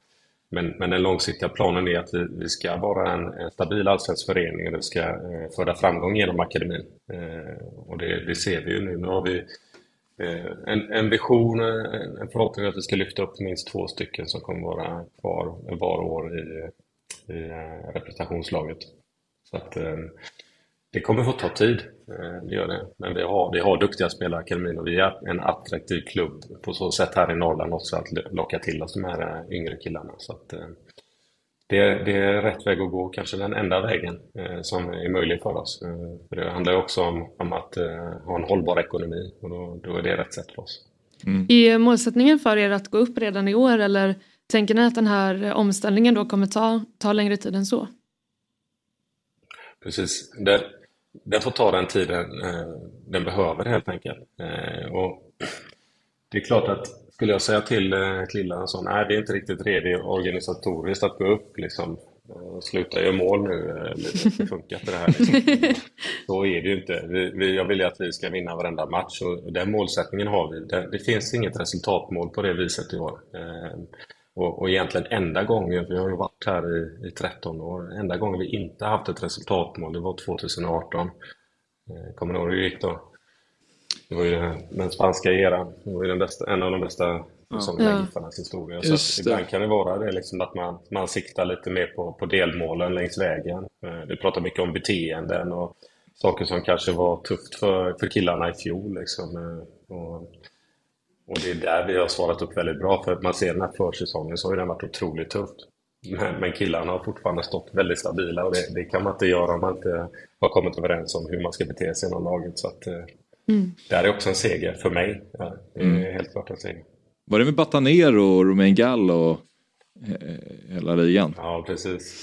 ja. ja, det var en hel del. Han var mer, spanjorer än det där. Herregud, Juanjo, nej det var ett fantastiskt år på så sätt. Ja, det var ett jävla lag faktiskt. Det, det, ja, det var roligt. ja. Men du, hur, hur är det att jobba som sportchef då Tommy? Är det kul? Vad, vad tycker du om, om jobbet? Eh, nej men jag tycker att det är roligt. Eh, jag, jag, skulle förmodligen inte ta ett annat uppdrag än eh, GIF Sundsvall å andra sidan för det, det är där eh, mitt hjärta är. Och, Sen är det speciellt. Jag, jag har ju varit eh, lagkamrat med många i, i, laget. Sen känner jag ju hela föreningen in och ut. Så att det, det blir liksom, för mig blir det liksom en, som alla säkert säger, en livsstil mer. Som det, är, det, är så, det är folk som ligger mig så nära hjärtat. Så att, eh, och föreningen har gett mig så mycket. Jag skulle ju bara flytta upp hit och göra två snabba år. Jag ångrar mig nästan när jag skrev på. Liksom. så nu sitter man här liksom 13 år senare kvar på den här stolen. Liksom. Så det är någonting som gör att jag, jag brinner för, för föreningen och att, att den ska må bra igen. Liksom, att vi hittar den här tryggheten som man kom upp till. För, för det, när jag kom in till Giffarna 2010 eh, så upplevde jag det som en, eh, en riktigt stor klubb. Eh, en, ett lag i en stad liksom, där alla mm. sluter upp för Giffarna. Och det är så. Vi, vi har ju skördat mycket framgång men vi har också haft en del nederlag så det pendlar ju även i det. Och så har vi ett, ett hockeylag som har gått fantastiskt och så börjar kanske lite marginalsupportrar titta åt det hållet och så. Jag vill att vi ska bygga upp den här eh, storhetskänslan som vi hade förr igen. Mm. Ska jag säga så att jag verkligen hoppas att ni kommer upp för att eh, jag är från, jag håller på Göteborg och eh, Sundsvall borta är en väldigt, väldigt rolig bortaresa måste jag säga. är det så? Ja, ja, den är lång det så att det blir... tuffa ja. drabbningar Blåvitt. För det är Blåvitt du inte Exakt, exakt. Nej, nej, nej. nej. Ja, det, är, det är Blåvitt, det är Blåvitt. Såklart. Mm. Men eh, ja, alltså, nej, ja. resultatmässigt har det inte alltid varit kul där uppe men eh, det är alltid roligt utifrån att det är, det är en så lång resa så då åker man ofta dagen innan. Eh, så det blir nästan som att göra en Europaresa när man åker Sundsvall. Sundsvall borta. Närmsta man kommer Europaresa. jag, jag kan säga att du är inte ensam varje gång jag är iväg på en, en eh, bortamatch eller tvärtom när någon kommer hit. Åh, nu har vi gjort den där resan. Då tänker jag, men du, jag gör ju den 15 gånger per år minst. det är lite så. Ja. För dem blir det den här storresan. För oss är det ja. liksom vardag. Jag ska till Trelleborg med buss här nu liksom om två veckor. Eller, 13 timmar ner va? Ja. ja. Ja, det, är, det är kul. Ja, det är något sånt där. Ja, det är kul. Ja, Nej, det, finns, det finns en charm i det. Man, man vänjer sig faktiskt vid eh, busskuskandet. Mm. Men Tommy, du anställde ju eh, Douglas Jakobsen från Sollentuna som ny huvudtränare också för, för Giffarna. Eh, vad var det som gjorde att du fastnade för honom? Det, är ju, eh, han, det sättet som han sticker ut på är att han är så ung. Han är ju 27 år gammal, fyller väl 28 år. Ja, precis. Det är så, man, man, om man inte känner personen eller en tränare på det sättet så får man ju titta på okay, vad är det för resultat eller vad är det i det här fallet en ålder som sticker ut. Så det är klart att det, det är det första ni, ni förmodligen lägger ögonen på. Mm. Eh, det, det, var ju absolut inte det som, som jag gjorde. Eh, sen är det klart att det, man, man ryggar till lite. Ja, 27 år, det, det är ungt liksom. Men eh, nej, det, vi gjorde en, en fullskalig rekryteringsprocess och han fångade mig i sitt sätt att, att dels hur mogen han var för den åldern. Eh, det är klart att det, för det var en farhåga, liksom, eh, erfarenheten. Eh, men jag tycker att det han presenterade för mig och den gruppen som, som höll den här rekryteringen, det gick i linje med, med vad vi vill göra. Eh, framförallt det jag var inne på här, liksom att vi ska utveckla unga spelare. Vi ska utveckla ett spel som är hållbart i båda serietillhörigheterna. För det är ju så, om man tittar på Giffarna genom åren så har det varit ett, ett lag som har varit i regel väldigt bollförande och dominanta. Och det vill vi fortsätta vara. Men så har man rekryterat spelare som är, är jätteduktiga på, på just det. Eh, och så går man upp en serie och så kanske man inte får ha bollen lika mycket och jobba mer i försvarsspelet och kanske plotta halsen för det som inte är spelarnas bästa kompetens just där och då. Mm. Och det kände ju Douglas också att, eh, att, han, att han förstår att man är en, en en, en klubb som kommer kunna vara i toppenskiktet och, och, när man väl kliver upp så vill man, vill man bygga ett spel som håller för, för båda serietillhörigheterna eh, med just de utmaningarna som vi är inne på nu. Då. Mm. Eh, men sen är han en, en, en, modern, en modern tränare, absolut. Och vi, vi vill ju ta kliv hela tiden och utvecklas. Och jag, jag tror att jag kommer ha en väldigt stor utvecklingsresa här och tillsammans med honom. För mig är det viktigt att vi är ett bra team som är, är runt eh, runt representationslaget också. Så att jag kände att jag kompar väl med honom. För, det, för mig handlar det om att jag, vi, vi jobbar tillsammans. Det är inte, mm. det är inte, jag kommer inte kasta ut honom i kalla vattnet och att det är han som ska sköta allt. Jag, jag måste dra mitt strå till stacken och på så sätt så kändes han klockren. Vi, vi kom väldigt väl överens. Mm. Så att, eh, nej, men jag, jag, gillar, jag gillar det han, han vill eh, åstadkomma. Han vill dominera både, både offensiven men även dominera försvarsspelet också. Det är någonting som inte jag har tänkt på när jag har spelat så pass många år. Så att, och det fick vi ju se här nu. Även om Mm. vi eh, kanske inte visade Sundsvalls bästa sida andra halvlek mot AFC så är det en nolla och, och Mm. vinner eh, på ett sätt som vi inte är vana att vinna på. Så att det, det är någonting som, som är nöjd med honom. Absolut. Är det, tycker jag att svensk fotboll har varit dåliga på att släppa fram uh, unga lovande tränare. Nu är, nu är det liksom några i allsvenskan men det, det, är inte liksom, det, det är inte så här ungt. Så. Nej. Och jag menar ute i fotbollseuropa, kollar vi Tyskland, li, lite vanligare att se liksom den, den liksom åldersprofilen på, på tränare än vad det är i Sverige. Mm. Men jag tror att det kommer lite mer nu. Jag upplever det lite att det har, att det har blivit en förändring de senare åren också. Så att nu rycker ju Blåvitt till Kim där och det har varit Mm. några andra duktiga unga tränare som har tagit sig fram genom åren. Jag tänker på Daniel eh, som har u nu och så. så att, Mm. eh, men tittar man i Giffarnas historia så är det väl eh, Rickard Norling säkerligen som är den yngsta tränaren som Giffarna haft då. Nu vet jag inte hur gammal han var då men det var väl strax över 30 då. Ja, just det. Ja, men eh, du Tommy, eh, tack för att du eh, var med oss här idag och lycka till då på tisdag mot Östersund i, i derbyt. Tack så hemskt mycket. Ha det Där bra. jobbar man ju Karo. verkligen in Sundsvall mot Östersund. ha det bra. Perfekt, tack. Hej. Hej.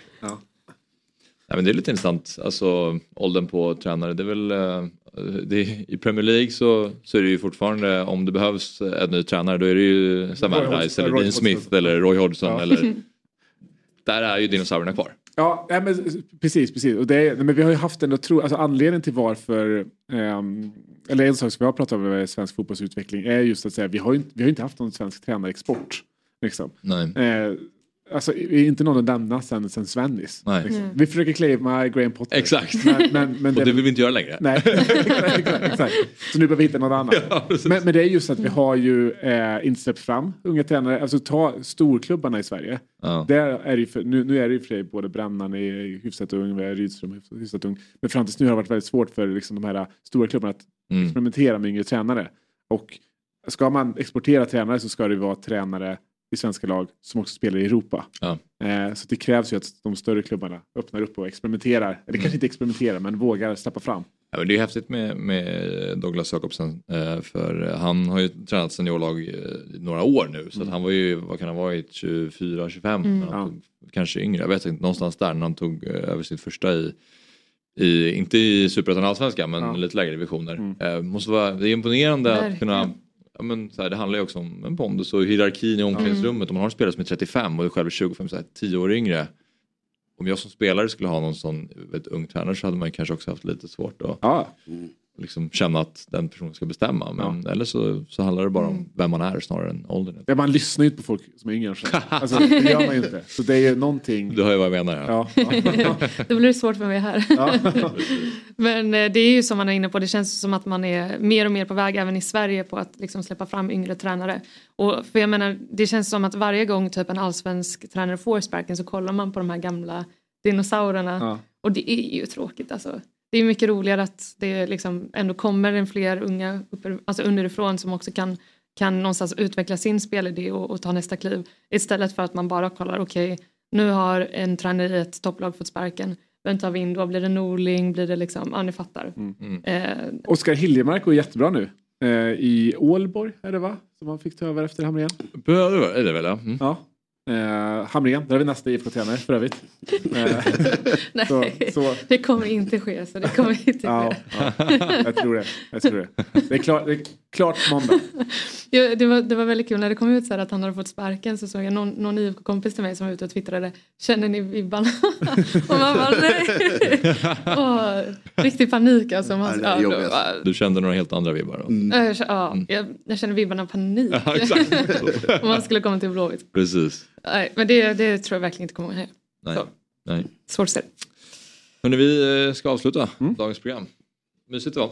Verkligen. Som alltid. Ja. Eh, fick inte med oss Sakien, vi ska försöka få med honom eh, någon eh, dag i framtiden helt enkelt. Ja. Han har försovit sig lite eller? Jag vet inte, det, det, det funkade bara inte den här morgonen. Kanske nästa. Ja, Vi får se.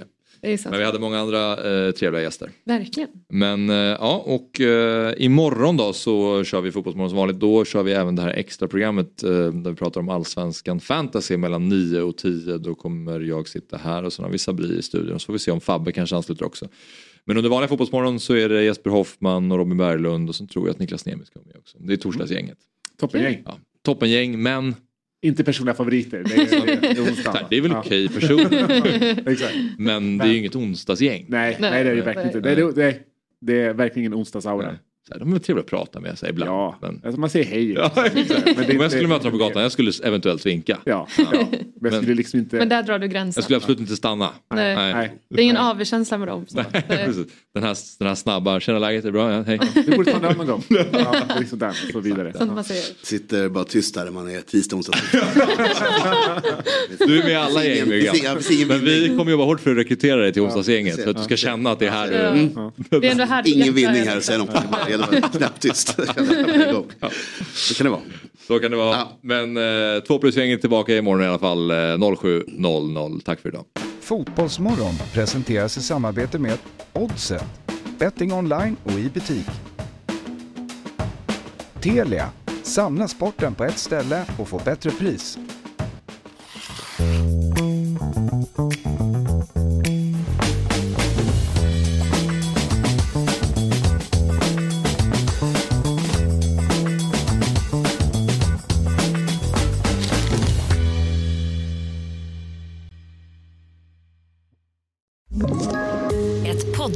Från Podplay. I fallen jag aldrig glömmer djupdyker Hasse Aro i arbetet bakom några av Sveriges mest uppseendeväckande brottsutredningar. Går vi in med hemlig telefonavlyssning och, och då upplever vi att vi får en total förändring av hans beteende. Vad är det som händer nu? Vem är det som läcker? Och så säger han att jag är kriminell, jag har varit kriminell i hela mitt liv men att mörda ett barn, där går min gräns. Nya säsongen av Fallen jag aldrig glömmer på Podplay.